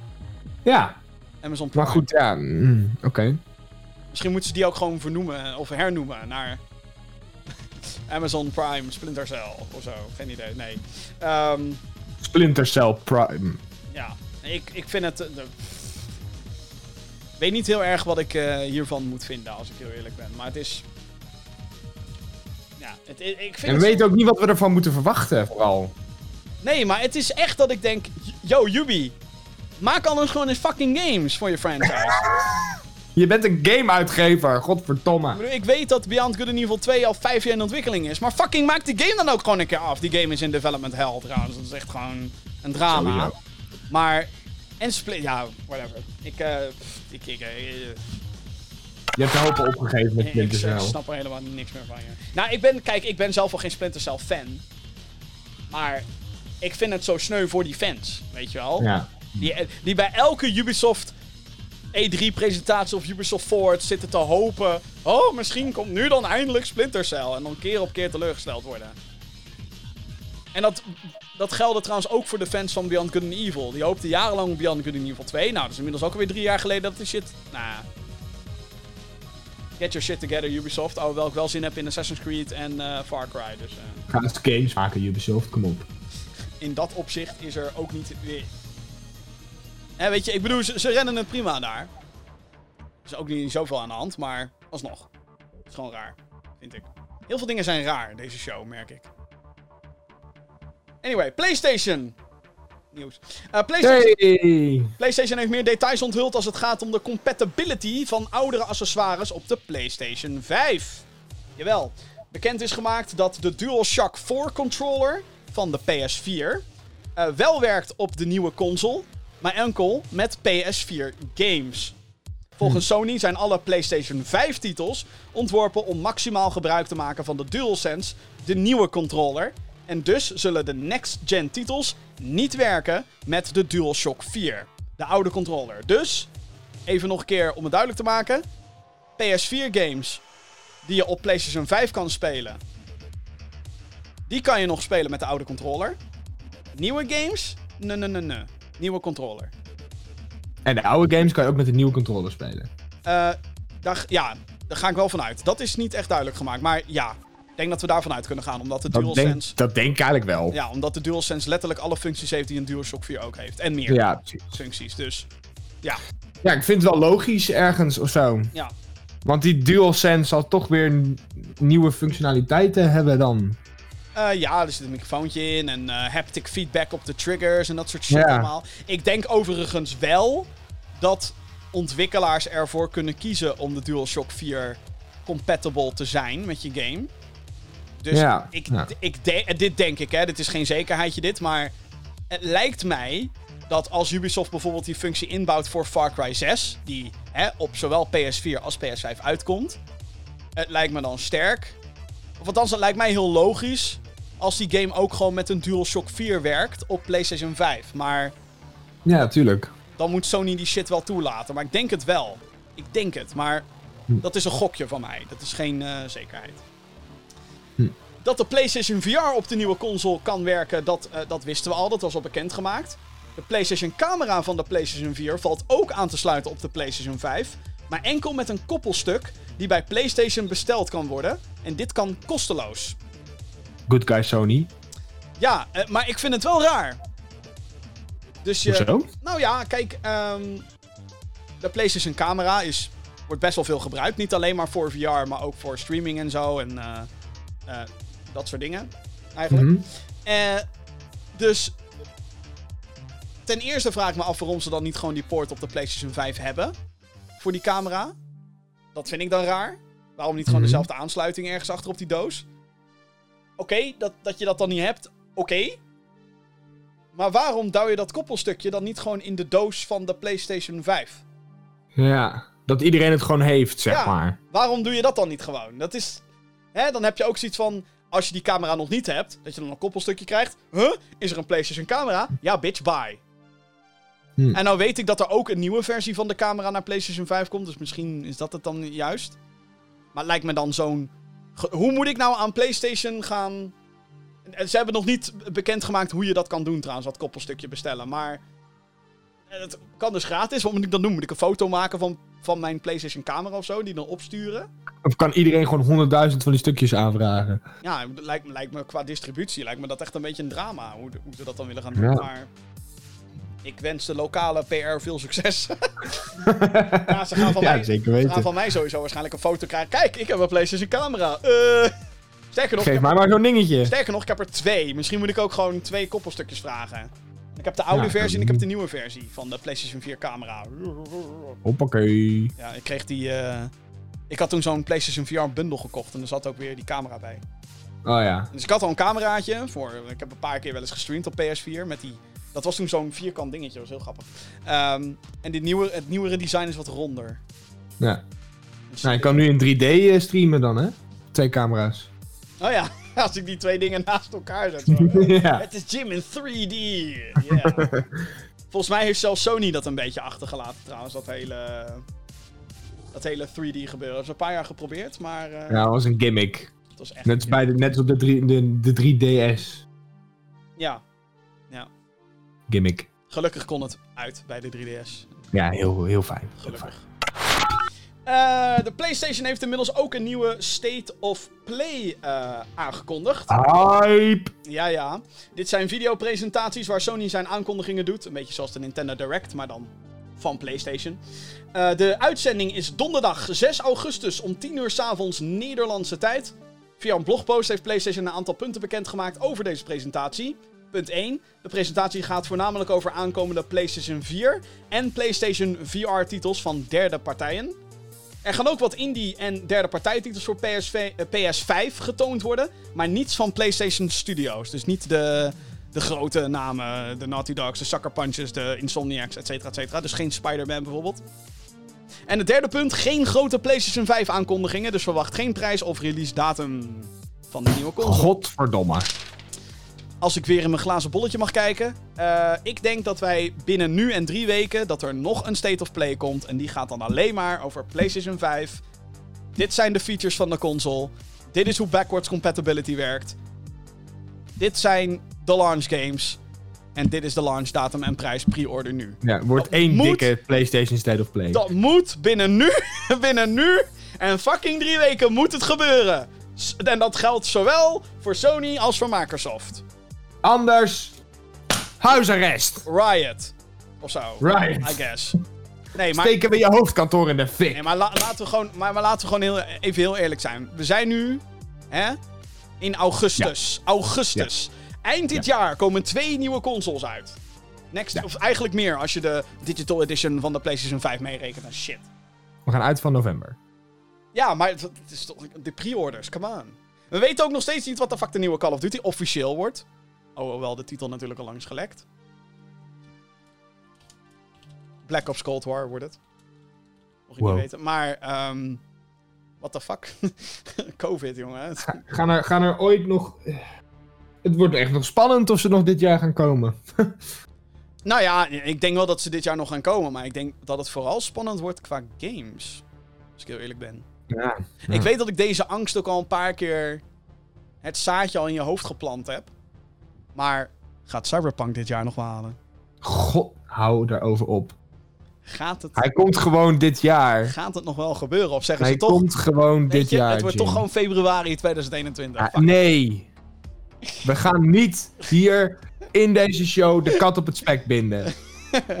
Dat gaan we Het- niet doen. Het zou zomaar kunnen gebeuren. Cyberpunk komt uit op 19 november 2020. Clip dit, clip dit. Ja? Knip maar apart. En als dat niet zo is, Ja? dan boek ik persoonlijk een ticket naar Polen. Oh jee! Is een dreigement. Ja, en dan? Nee, is geen, dre- nee, is geen dreigement. Ik hou van jullie CD Projekt Red. Ah, oké. Maar eh, dan word ik wel heel verdrietig. En Gaat dan, hij eh, smeken voor de deuren van CD Projekt Red? is heel, heel eerlijk. Toss a coin to your Jesper! Hot, nee, hot take. Hot take. Oh jee. Misschien is het voor mij beter als Cyberpunk weer wordt uitgesteld. Oh! Want dan kan ik al die news. PlayStation titels inhalen. Breaking news! ik sta je hot take, hot take. Hot take, hot take. What? Het is echt, eh, ja. Maar ik hoop het niet, want ik wil hem zo graag spelen. Oh. Oké, ja. Cyberpunk, dames en heren. Game of the Year. Nou, oké. Als die dit jaar nog uitkomt. De mega populaire game Rocket League die gaat gratis worden. Dat hebben ontwikkelstudio eh Psyonix en Epic Games bekendgemaakt. Rocket League is een game eh, die in 2015 van origine verscheen op PC en PlayStation 4 op eh, PlayStation Plus. Later kwam de game ook nog naar Xbox One en Nintendo Switch. Ehm, het is eigenlijk voetbal, maar dan met auto's. En dat is een concept die is best wel succesvol gebleken, dames en heren. Het is een hele populaire game. Eh, de game wordt dus eh, eh, later in de zomer dus volledig gratis op alle platforms, free-to-play. Dat betekent wel dat de game van de Steam Store op PC gaat verdwijnen voor nieuwe spelers. Mensen die de game al hebben in hun bibliotheek kunnen nog wel gewoon vanuit Steam de game installeren, spelen, etc. Met de free-to-play versie komt de game dus naar de Epic Games Store op PC. Verder wordt er ook cross-progressie toegevoegd. Er is al cross-play, dus je met elkaar kan spelen. Maar als ik nu bijvoorbeeld de game op Switch ga spelen, dan moet ik weer bij level 1 beginnen en met eh, nul skins en dat soort shit. Maar cross-progressie betekent dus dat dat allemaal heen en weer gaat. Ja. Yay. Ik vind het een hele logische stap. Ja. Eigenlijk. Vind ik ook. Ze hebben inmiddels ook allemaal battle passes en microtransactions. En, Ja. eh, nu is het gewoon doel om zoveel mogelijk mensen te bereiken. En ehm, ja, hoe, hoe kan je dat beter doen dan de game free-to-play te maken? Ja. En eh, het, het is niet alsof eh, deze mensen geld te verliezen. Oh, ja, natuurlijk wel. Iedereen heeft geld te verliezen, maar. Hè? Het is, Alsof eh, ze nog heel veel geld weer moeten verdienen of zo. Nou, je moet natuurlijk ook, en dat is denk ik ook een beetje het geval met, ehm, hoe heet het? Met Horizon Zero Dawn. Hè, die komt nu naar PC. En de reden waarom Sony dat doet is A, om te experimenteren. Maar B, omdat denk ik die games een maximale publiek op PS4 al gewoon bereikt heeft. Zeg maar. Ja. Daar, daar, komt Ja. niet, daar gaat geen grote spike qua verkoopcijfers meer in komen. Nee. En ik denk dat hetzelfde gewoon geldt voor Rocket League. Oké, bijna iedereen die deze game wil, heeft hem al. Is op alle platforms. Er komt ongetwijfeld een next-gen versie of whatever. Zeker als hij free-to-play wordt. Eh, Was het al bevestigd trouwens? Ik weet het eigenlijk niet eens. Maar zou me niks verbazen. Ehm, ja, dat. Dus goed bezig, jongens. Goed Rocket bezig. League, free-to-play. Over gratis gesproken. Ehm, we zijn in een nieuwe maand, augustus. En dat betekent dat er nieuwe gratis games voor abonnees van online diensten op consoles te, eh, binnen te harken zijn. Oh PlayStation. Plus die heeft een hele grote line-up deze maand. Zoals Call of Duty Modern Warfare 2 Campaign Remastered gratis te claimen op de PlayStation 4. En op het moment van opnemen morgen, 4 augustus, lanceert Fall Guys als PlayStation Plus titel. What the fuck? Dat vind ik zo... Instant hit. Zo? Instant hit gewoon. Dit is denk ik de beste PlayStation Plus line-up sinds jaren. Een Call of Duty remastered game van een paar maanden oud nog maar. En een en Fall Guys. Holy shit. Ehm, mag ik trouwens even PlayStation een gigantisch compliment geven voor de PlayStation Plus Trilogy. Bij deze wil ik deze term even in het leven roepen. Wat bedoel ik met de PlayStation Pl- Plus Trilogy? Dat zijn drie games die alle drie gelaunched zijn van indies die gelaunched zijn op PlayStation Plus en vervolgens een gigantische fanbase hebben vergaard. De eerste daarvan was, we hadden het er net over, Rocket League. De Mhm. tweede was Tricky Towers. En de derde is ongetwijfeld deze, want het is nu al een grote hit en dat het nu gratis wordt op PlayStation Plus. Holy fuck. Er zijn zoveel mensen die dit gewoon... Zoveel hebben van, oh, ik pak het wel. En het dan gaat spelen en helemaal goed, Nou, helemaal goed ik, denk dat als mensen een trailer zien en komen er dan achter dat het gratis op PlayStation Plus is, dat mensen helemaal loco. Holy shit. Dus ehm, goed bezig. Claimen die handel, mensen. Claimen die handel. claimen. Eh, Xbox Games with Gold is er ook nog. Eh, die games zijn eh, deze maand Portal Knights, Override, Max City Brawl, MX Unleashed en Red Faction 2. Ja, dat is dan weer wat minder. Maar goed. We kunnen niet allemaal Sony zijn. ja, oké, het is wel de mindere line-up. Maar goed, soms dan heeft PlayStation ook line-ups waarvan ik denk, what the fuck. Ja, dat is waar. Dat is waar. What the... Nou, dat inderdaad. Nou, tot zover de nieuwtjes. Jawel, we zijn er doorheen. Heb jij een vraag voor de show? Mail naar podcast.gamergeeks.nl En we hebben weer een aantal mailtjes binnengekregen, dames en heren, via dat o zo mooie e-mailadres. Dus eh, elk moment van de dag, 7 dagen per week, beschikbaar. De mailbox voor jou. Hey. Eerste mailtje komt van Jurien. Dag Jim en mede Gamergeek. Bedankt voor het beantwoorden van het mailtje over het reviewen van hardware. Oh ja, dat is eh, een aflevering geleden. Zoals elk jaar heb ik met mijn game matties, vijf man, het jaarlijkse LAN party festijn. Eh, nu hebben we daar eh, allemaal super veel zin in. Alleen is onze library niet heel uitgebreid voor LAN party games. De lijst is momenteel Rocket League, Call of Duty Modern Warfare Multiplayer en Warzone, Call of Duty Black Ops 2, lekker oldschool, Human Fall Flat en GTA 5 waarschijnlijk. Hebben jullie nog leuke aanraders om te spelen op een LAN party? Nou ja, er is één game die morgen uitkomt. Iets met vallende Iets mensen met, met vallende mensen. en kroontjes. Schijnt wel een leuke partygame te zijn. We hebben Ja. het niet al bijna de hele podcast erover, maar Dat. Ehm, iets met een kroontje. Kijk, al- als het alleen maar strictly PC is, kijk, als je ook consoles gaat aansluiten, dan zou ik zeggen, kom maar door met je Super Smash Brothers en shit. Exact. Weet je wel? Mario Kart, ook altijd goed. Eh, maar als we het echt over PC hebben. Ik vond altijd wel een leuke eh, long game Counter-Strike vroeger. Hm. Maar ja, de- je moet daar natuurlijk wel een beetje van houden. En hè, de hele groep moet daar leuk aan mee Ja. kunnen doen. Eh, maar, Waarom, eh, waarom ga je geen Minecraft spelen? Of Sea of Thieves met een, met een Ja, Sea of Thieves, inderdaad. Maar eh, dat kun je niet met z'n vijven doen. Nee, dat is waar. Dat Oh, is- trouwens, dat kan binnenkort wel. Maar nu nog niet. Ho. Ehm, ja, is er nog meer? Ehm Eh party game. Little League Blaze. Hey. hey, ja, die kan je ook met max 4 man doen. Maar goed, ehm, Dan kan je afwisselen. Degene die verliest, die moet zijn controle doorgeven. Dat, dat is waar, ja. Ja, ja. Eh, ja, kijk, het grappige is, is, dat zijn natuurlijk voornamelijk online games die hier zijn, maar... eh. Ja, eigenlijk heb je zat eh, Jackbox Party Pack, denk ik. Dat soort geinige spelletjes. Ja. Ik zit nog even te denken. Wat is nou een Game game, waar je echt per se... Waarom speel je geen Overwatch met z'n vijven? Oh ja, ja, Overwatch. Ook wel een goeie. Waarom niet? Weet je wel? Nou, why not? Why not? Why not? Why not? Nou, en een Battle Royale dingetje hebben ze natuurlijk al een beetje met eh, Call of Duty hebben ze die al eh, afgetikt. Ja, precies. Nee, ik- ik denk ja. dat en kan je, ook, kan je ook maar met max 4 doen, hè, vaak. Ja. Nee, ik denk dat Fall Guys gewoon de game is die, je die bij Ja, Fall Guys is echt... eh, ik weet niet... Hoe, weet wel hoe, hoe groot de parties daarin kunnen zijn? Weet ik niet eigenlijk. Maar. Nee, weet ik niet. Eh, bonusvraag. Oh! Zijn jullie ook nog van plan na COVID om een Gamer Geeks LAN party te organiseren? Eh, Nou, daar plant je even een ideetje. dat is wel, het is wel een heel leuk idee. Maar ik, denk- ik weet niet of wij daar dan kijkers en zo. Kijk, we, we hebben, vroeger hadden we een, een traditie, de Gaming Geeks Barbecue. Nou, dat is natuurlijk nu ook. eh, komt ook niet meer van de grond. Maar Gecanceld. gecanceld. Ehm, maar een LAN-party... Ja, kijk, weet je, weet je wat het is met een LAN-party? Dan heb ik al meteen het idee dat je een heel weekend bij elkaar moet zitten. En eigenlijk hebben wij jaarlijks die traditie een beetje met de E3-livestream. dat, Ja. dat was dan normaal een beetje, dat we bekend een week eh, bij elkaar zitten... en dat we daarna ook denken, nou, ik haat je nu en doei. tot augustus, tot Gamescom. Een paar maanden pauze en dan zijn we weer een hele week bij elkaar. Dat is natuurlijk nu ook allemaal eh, pff, weg, gone. Ja.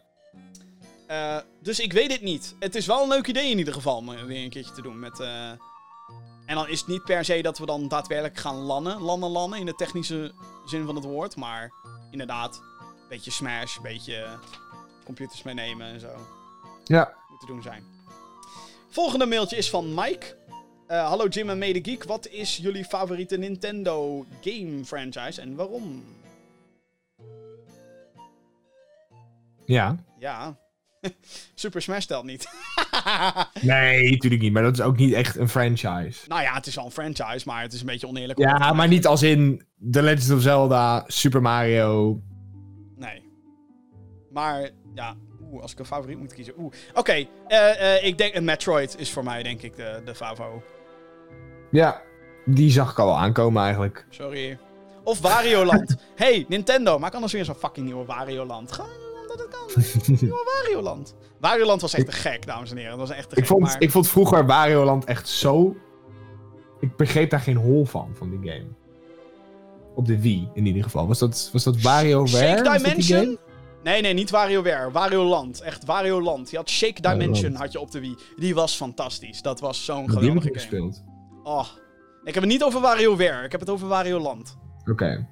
Bring it back. WarioWare heb ik gespeeld, Wario Land niet. Bring it back, Nintendo. Ehm, maar goed, mijn favoriete Nintendo franchise. Sowieso Super Mario. En game. Op dit moment. Animal Crossing New Horizons. Oh god. Ik ben weer helemaal losgeslagen, Jim. Ja, is het... Ik zit, eh, ik je- zit er weer in. Ik zit er weer in. Oh jee. Nieuwe update. Eilandjes, alles. Oh, ik zit er weer in. Oh jee. Het is niet goed voor mijn sociale leven. Ja, Animal Crossing is juist heel sociaal. Ja, maar niet als je in je eentje op je eiland zit. Oh ja, nee, dat is waar. Dat is eh, Hm. isolement. Hm. Hm. Eh, PS, nog een vraagje voor Jim. Wat is je favoriete Collector's Edition die je ooit hebt aangeschaft? Die van mij is Doom Eternal. Blijf zo doorgaan. Volgen jullie al sinds de review van Knak. Fuck Knak. Groetjes van Mike. Eh, Goed mijn, terug. mijn favoriete Collector's Edition. Oeh, dat is wel een moeilijke vraag, denk Dat is ik. echt een hele moeilijke. Ik vind nog steeds een van de mooiste, vind ik Bioshock 2. Ehm, dat had zeg maar de soundtrack op vinyl en de soundtrack van 1 op CD. En het had een fucking mooi artwork boekje en zo. En het was heel goed. Was ook niet zeg maar 150 euro, weet je wel. Dat was eh, toen 90 of zo. Eh, en ik had hem in de aanbieding toegekocht. Eh is extra goede deal. En verder. Ja, ik vind de Doom Eternal Collector's Edition ook wel heel vet hoor, met die helm. Dat is wel echt, eh, wel echt een hele goeie. Dat is een pareltje. En, hè, eh, de unboxing staat online, dames en heren, maar die van Ghost of Tsushima was ook heel tof. Maar ik had daar liever de soundtrack dan ook weer op CD gewild. Ik weet niet waarom mensen dat nooit meer doen, maar ik ben een beetje pissed af over dat dat niet meer gebeurt. Doodzonde. En ik vind, in alle eerlijkheid, ik vind meestal de Collector's Editions van Ubisoft. Vind ik meestal wel te gek. Nou, Hallo, ik heb Assassin's Creed Valhalla en Far Cry 6 weggeprioriterd. Volgende mailtje. Hoi Jim, wat is jouw nummer 1 game? Mij persoonlijk is dat Days Gone. En de laatste vraag, heb je ook een game tattoo? Groetjes van Dave. Nou Jesper, jij mag eh, eerst. Wat is jouw nummer 1 game? Sea Thieves. Heb je een game tattoo? Sorry. Zo, wat een aanname weer ineens. Oh nee, Minecraft, oké. Ah, rot op, dat is helemaal niet waar. Sorry. Nee, mijn eh, favoriete game aller tijden? Dat is moeilijk hè? Oh my god, dat weet ik echt niet. Ja. Eh Nee, dat weet, dat weet ik echt niet. Maar Nummer 1, als ik nu iets zou moeten zeggen... Firewatch. Oh. Eh, en eh, de, la- ik heb geen game tattoo. Nee, ik heb überhaupt geen tatoeages. Eh, als ik nu één game moet kiezen, is dat de OG Doom. Nummer 1. Of Diablo 2, dat blijft ook nog steeds een hele goeie. Maar ik denk dat Doom Ja. wat tijdlozer is. Ehm, en nee, ik heb ook geen game tattoos. Nee. En ik ben nou ook heel bang om een, om een tattoo te nemen. Sowieso ben ik niet echt van de tattoos persoonlijk. Ehm, ik vind namelijk het menselijk lichaam op zichzelf al eh, knap genoeg, vaak. Ehm, niet dat ik tattoos per definitie lelijk vind of zo hoor, maar ik vind vaak, heel vaak, natuurlijk sommige mensen staat het heel mooi en zo, maar heel vaak vind ik het niet nodig om iemand mooi te laten zijn, zeg maar. Nee, nee. nee. Ehm, maar dat, dat is mijn take. Ehm, en, en, maar ik heb er natuurlijk wel eens over nagedacht. Van, hey, is het niet tof om gewoon like, een vet logo of zo op je arm te hebben of op je pols of whatever. Ehm, alleen dan bedenk ik me altijd, wat nou als het vervolgens een kut franchise wordt? Weet je wel? Ja, maar ik meen wat, het. als, wat als Doom ineens Fallout 76 Nou ja, kant nee, maar gaat? exact. Stel dan dat je een fucking Fallout-logo op je fucking arm hebt laten tatoeëren. Volgens komt Todd Howard met die fucking Fallout 7 die shit. Dan word je toch gewoon pissed off? Dat is toch gewoon kut? Stel, stel je, je hebt hier op je arm getatoeëerd 16 times the detail. Nee maar, nee, maar serieus. Al die mensen die een Game of Thrones tatoeage hebben genomen. En Ja, vervolgens man. seizoen 8 gingen kijken. Fuck that shit, mate. Gewoon, Fuck fuck, that fuck, shit, mate. that shit, mate. Ja, Daenerys Targaryen, beste character ooit. Game of Thrones seizoen 8. Fuck you, Matty. Oké. oh god. Nee, maar dat, daar, dat zou een legit angst zijn, zeg maar. En ik weet het, je kan het laten weghalen, blablabla. bla, bla, maar gedoe, weet je wel. Het staat al op je lichaam geprint op dat Pijn ook vooral. Ja. Kijk, een shirt, ik heb nu ook zeg maar met ongepaste trots een Superman shirt aan. Ehm weet je, een shirt kan je uitdoen. Ga ik nu niet doen overigens, maar... Hè? Dat kan je verwisselen. Een t-shirt kan je makkelijk verbranden. Ja. Ja, je huid ook, maar dat zou ik niet aanraden. Ehm oef, dat was een lugubere. Maar ehm, Hmm. ja, weet je, ik vind, ik vind vaak wel, dat moet ik wel nageven, ik vind vaak wel game tattoos heel mooi. Terwijl ik net Ja, zeker weten. Hè, wat ik nogmaals zei, ik vind niet dat het menselijk lichaam vaak een tattoo nodig heeft om mooi te zijn. Maar ik moet wel zeggen dat zo'n Assassin's Creed logo bijvoorbeeld, ja, het is stiekem wel tof. Maar dat kan ook op zich subtiel. Weet Ja, je, nu zit niet gelijk heel je arm onder. Nee, nee, nee, nee, nee, precies. Het is ook een smaakdingetje natuurlijk, hè. Ja, zeker weten. Ja. En kijk, een volgende mailtje. Bram die mailt, wanneer komt Hyperscape naar PS4? Dat is 11 augustus. Hey. Dat eh, is aangekondigd door Ubisoft. Dan komt hij ook naar Xbox One en PC komt hij dan uit, uit, uit. Hij is nu volgens mij een open beta of zo, dat soort shit. Eh, even kijken. Beste Jim en Jesper. Dit mailt Noah. Detroit Become Human is absoluut een van mijn favoriete games van deze generatie. Dan wel niet een van mijn favoriete games ooit. Nu was mijn vraag of jullie wellicht een vervolg van deze game anticiperen op de PlayStation 5. Zelfs zie ik in de toekomst een prequel waarbij bijvoorbeeld Kemsky en het begin van de androids naar... Zeg ik dat goed? Waarschijnlijk niet. En het begin van de androids naar voren komt. Eh, daarbij zie ik een spin-off met bijvoorbeeld alleen Connor en Hank, mijn favoriete duo, ook wel zitten. Een vervolg waar de game het verhaal wordt voortgezet op basis van de keuze die je hebt gemaakt in Detroit Become Human, lijkt mij dan weer minder goed mogelijk gezien de vele verschillende eindes. Hoe zien jullie de toekomst van het meesterwerk van Quantic Dream voor jullie? Ik hoor het graag. Nog een fijne uitzending en tot ziens. Nou, wat een uitgebreid mailtje zeg. Ja. Eh, ik denk niet dat dit gaat gebeuren. Ik denk dat niet. Ik wil Nee. niet je, ik wil niet je eh, Quantic Dream kapot maken. Padoemtsch. Ja, ja, ja. Rustig. maar ehm, Quantic Dream heeft nogal de traditie dat ze een game maken rondom zeg maar één storyline. En daarna doorgaan naar de volgende. En that's it. Ja. Ehm, je zou natuurlijk meer in die universe zou je kunnen doen. Maar weet je, in Detroit Become Human had je al drie characters. En het had al heel duidelijk een, een begin, midden en einde. En dat einde dat werd natuurlijk beïnvloed op wat jij deed in die game. Uh, maar het was heel duidelijk wat de boodschap was van die game. En uh, hoe gevaarlijk dat kan zijn. En hoe luguber wij kunnen zijn als mensheid tegen iets, of, uh, iets wat anders is dan wij zelf. En het is ook een beetje. Het is ook social commentary, zeg maar. En ik denk niet dat een spin-off of een prequel of een vervolg of whatever daar meer aan kan toevoegen op dit moment. En ik denk dat ze daarom uh, waarschijnlijk nu gewoon bezig zijn met iets compleet nieuws. Uh, Quantic Dream is sowieso ook een beetje.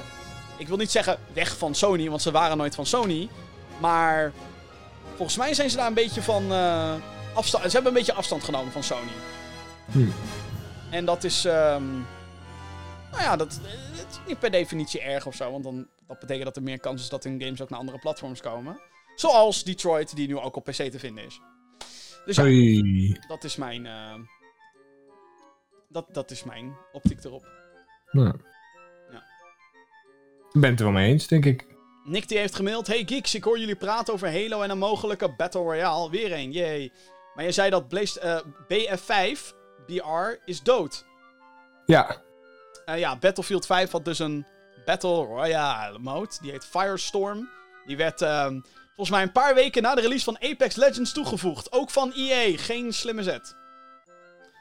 Um, kijk hoor. Uh, dus dat die dood is, dat klopt. Maar dat komt niet alleen omdat mensen de laatste Battlefield niet super vonden. Uh, en de BR, dus daarachter, die zit dus achter een paywall van 60 euro. Wat als die gratis zou zijn? Wat is jullie mening erover?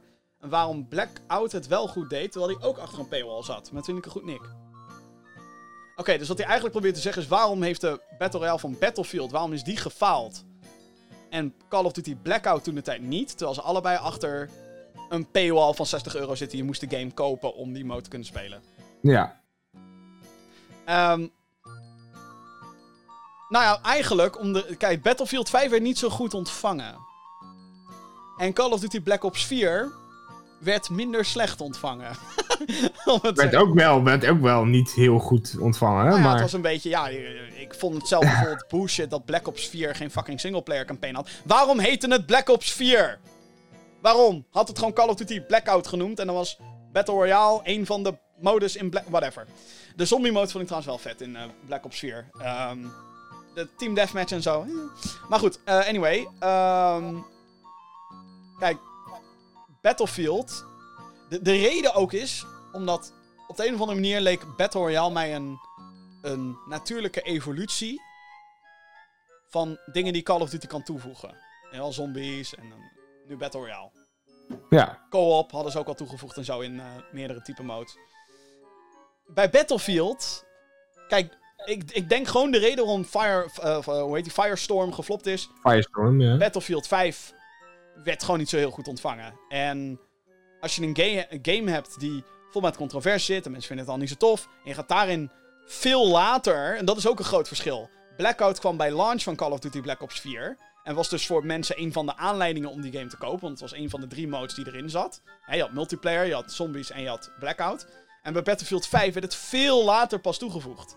Dus mensen die die game kochten, kochten de game ook niet per definitie voor een Battle Royale mode, want die zat er toen nog helemaal niet in. En toen werd de game niet heel goed ontvangen, bla bla bla. Mensen bleven minder lang hangen. En dan komt er zo'n Battle Royale mode, ja, whatever. Zeker. Ga- en als die ook niet goed wordt ontvangen, dan gaan mensen het ook niet meer spelen of zo. Ja. Dan komt het niet meer. En zeker als je, wat ik net al zei, als EA, de uitgever van Battlefield, een paar weken daarvoor Apex Legends uitbrengt. Oeps. Ja. Ja, als je dan zeg maar een Battle Royale ten dode wil opschrijven, dan moet je dat vooral doen. En dat is ook gebeurd. Het is gewoon, ja. En maar ik kan, ik kan ook wel begrijpen, volgens mij heb ik letterlijk één potje Firestorm ooit gespeeld. En ik had zoiets van, ja weet je, het idee is wel tof, maar ze moeten gewoon de Battlefield gameplay even goed aanpakken, want het is gewoon net niet... Ja. Dus ehm, ik denk, eh, Call of Duty was bij launch, Battlefield niet. EA released een andere en betere Battle Royale game een paar weken voor Battlefield's Battle Royale. Ja. Dus ja, Een beetje ongelukkig allemaal. ja ni- niet handig. Ongelukkige timing. En dan het laatste mailtje van vanavond. Ja hoor! Ja hoor, die komt van Helly de Helminator. Yo, yo, yo, yo, yo, yo. En hij vraagt... Hallo meneer Gamergeeks podcast en meneer de één na grootste koffiekenner van Gamergeeks. Ik heb een podcastvraag. Ja, de, de grootste koffiekenner, dat is Jordi natuurlijk. Ik heb een podcastvraag voor jullie. Vandaar dat deze mail nu wordt voorgelezen in het onderdeel vragen van de Gaming Geeks podcast. Oh god. SpaceX heeft als eerste privaat bedrijf twee astronauten naar het ISS gestuurd en deze zijn gisteren weer terug op aarde geland. Een vraag over Kerbal Space Program 2 is nu veel te voor de hand dus. Welke game was zo goed slash slecht dat jullie na het spelen van deze game weer met beide benen op aarde werd gezet? Oké. Zo slecht? Welke game was zo goed of slecht dat jullie na het spelen van deze game weer met beide benen op, de aarde, op aarde werd gezet? Hm. Een soort realiteitscheck of zo. Ja. Welke game zorgt er voor een realiteitscheck? Beetje vage vraag dit, eh Ellie. Dat zijn we niet van je gewend, normaal is het recht toe, recht aan. Recht door zee. Is het zo van, nee, wat vind je kut en wat niet? Niet wel... Hm. Ik denk dat dit zijn intentie is. Denk ik. Van wat vonden, we, wat vonden we heel goed of wat vonden we bar slecht? Nee, nee, nee. Welke game was zo goed of slecht dat je na het spelen denkt: oké, ik ben nu weer. eh, ik ga nu weer terug naar aarde of zo. Ik ben nu weer teruggekeerd in mijn eigen lichaam. Ja, een soort reality. Wat ik al Ja. zei, een reality check of zo. I guess. Ja. Ik had, dat, ik had het eigenlijk wel heel erg met. eh, ik heb hem net ook al genoemd, met Firewatch. Ik zat zo in dat spel. Dat ik gewoon even alles om me heen helemaal gewoon vergat. Nou ja. Eh, Toen het afgelopen was, toen had ik echt wel zoiets van: wow, hier moet ik even van bijkomen. Ja. Dat ik zo onder de indruk was, zeg maar. Ja. Misschien, is, ja, ik weet niet of dat helemaal een goed antwoord is, maar... Voor mij was de grootste realiteitscheck. Daar heb ik het al weet ik hoe vaak over gehad. Sorry, Life is Strange. Was voor mij een reality check. Dat ik dacht: oh ja, wat heb ik eigenlijk veel tijd ver- verdoezeld in mijn leven. Sorry. Het is wel heel goed dat je er daar wel bewust van bent. Ja, nee, nee, nee, echt, ik vind Life... Ah, man. Ja, ik heb, wel, ik heb het al te vaak over is Strange gehad. Maar ik had het ook bij Ori and the Will of the Wisp. Was ook voor mij een reality check. Hele, Hey. hele sprookjesachtige game. En ehm, ja, eh, ik was aan het janken. En toen had ik toch wel zoiets van... Waarom ben ik nou eigenlijk aan het huilen hier? Omdat het een fucking mooie game is. Maar ehm, de thema's in die game zijn best wel sterk neergezet en zo. Dus ehm, dat. Ja. Dat.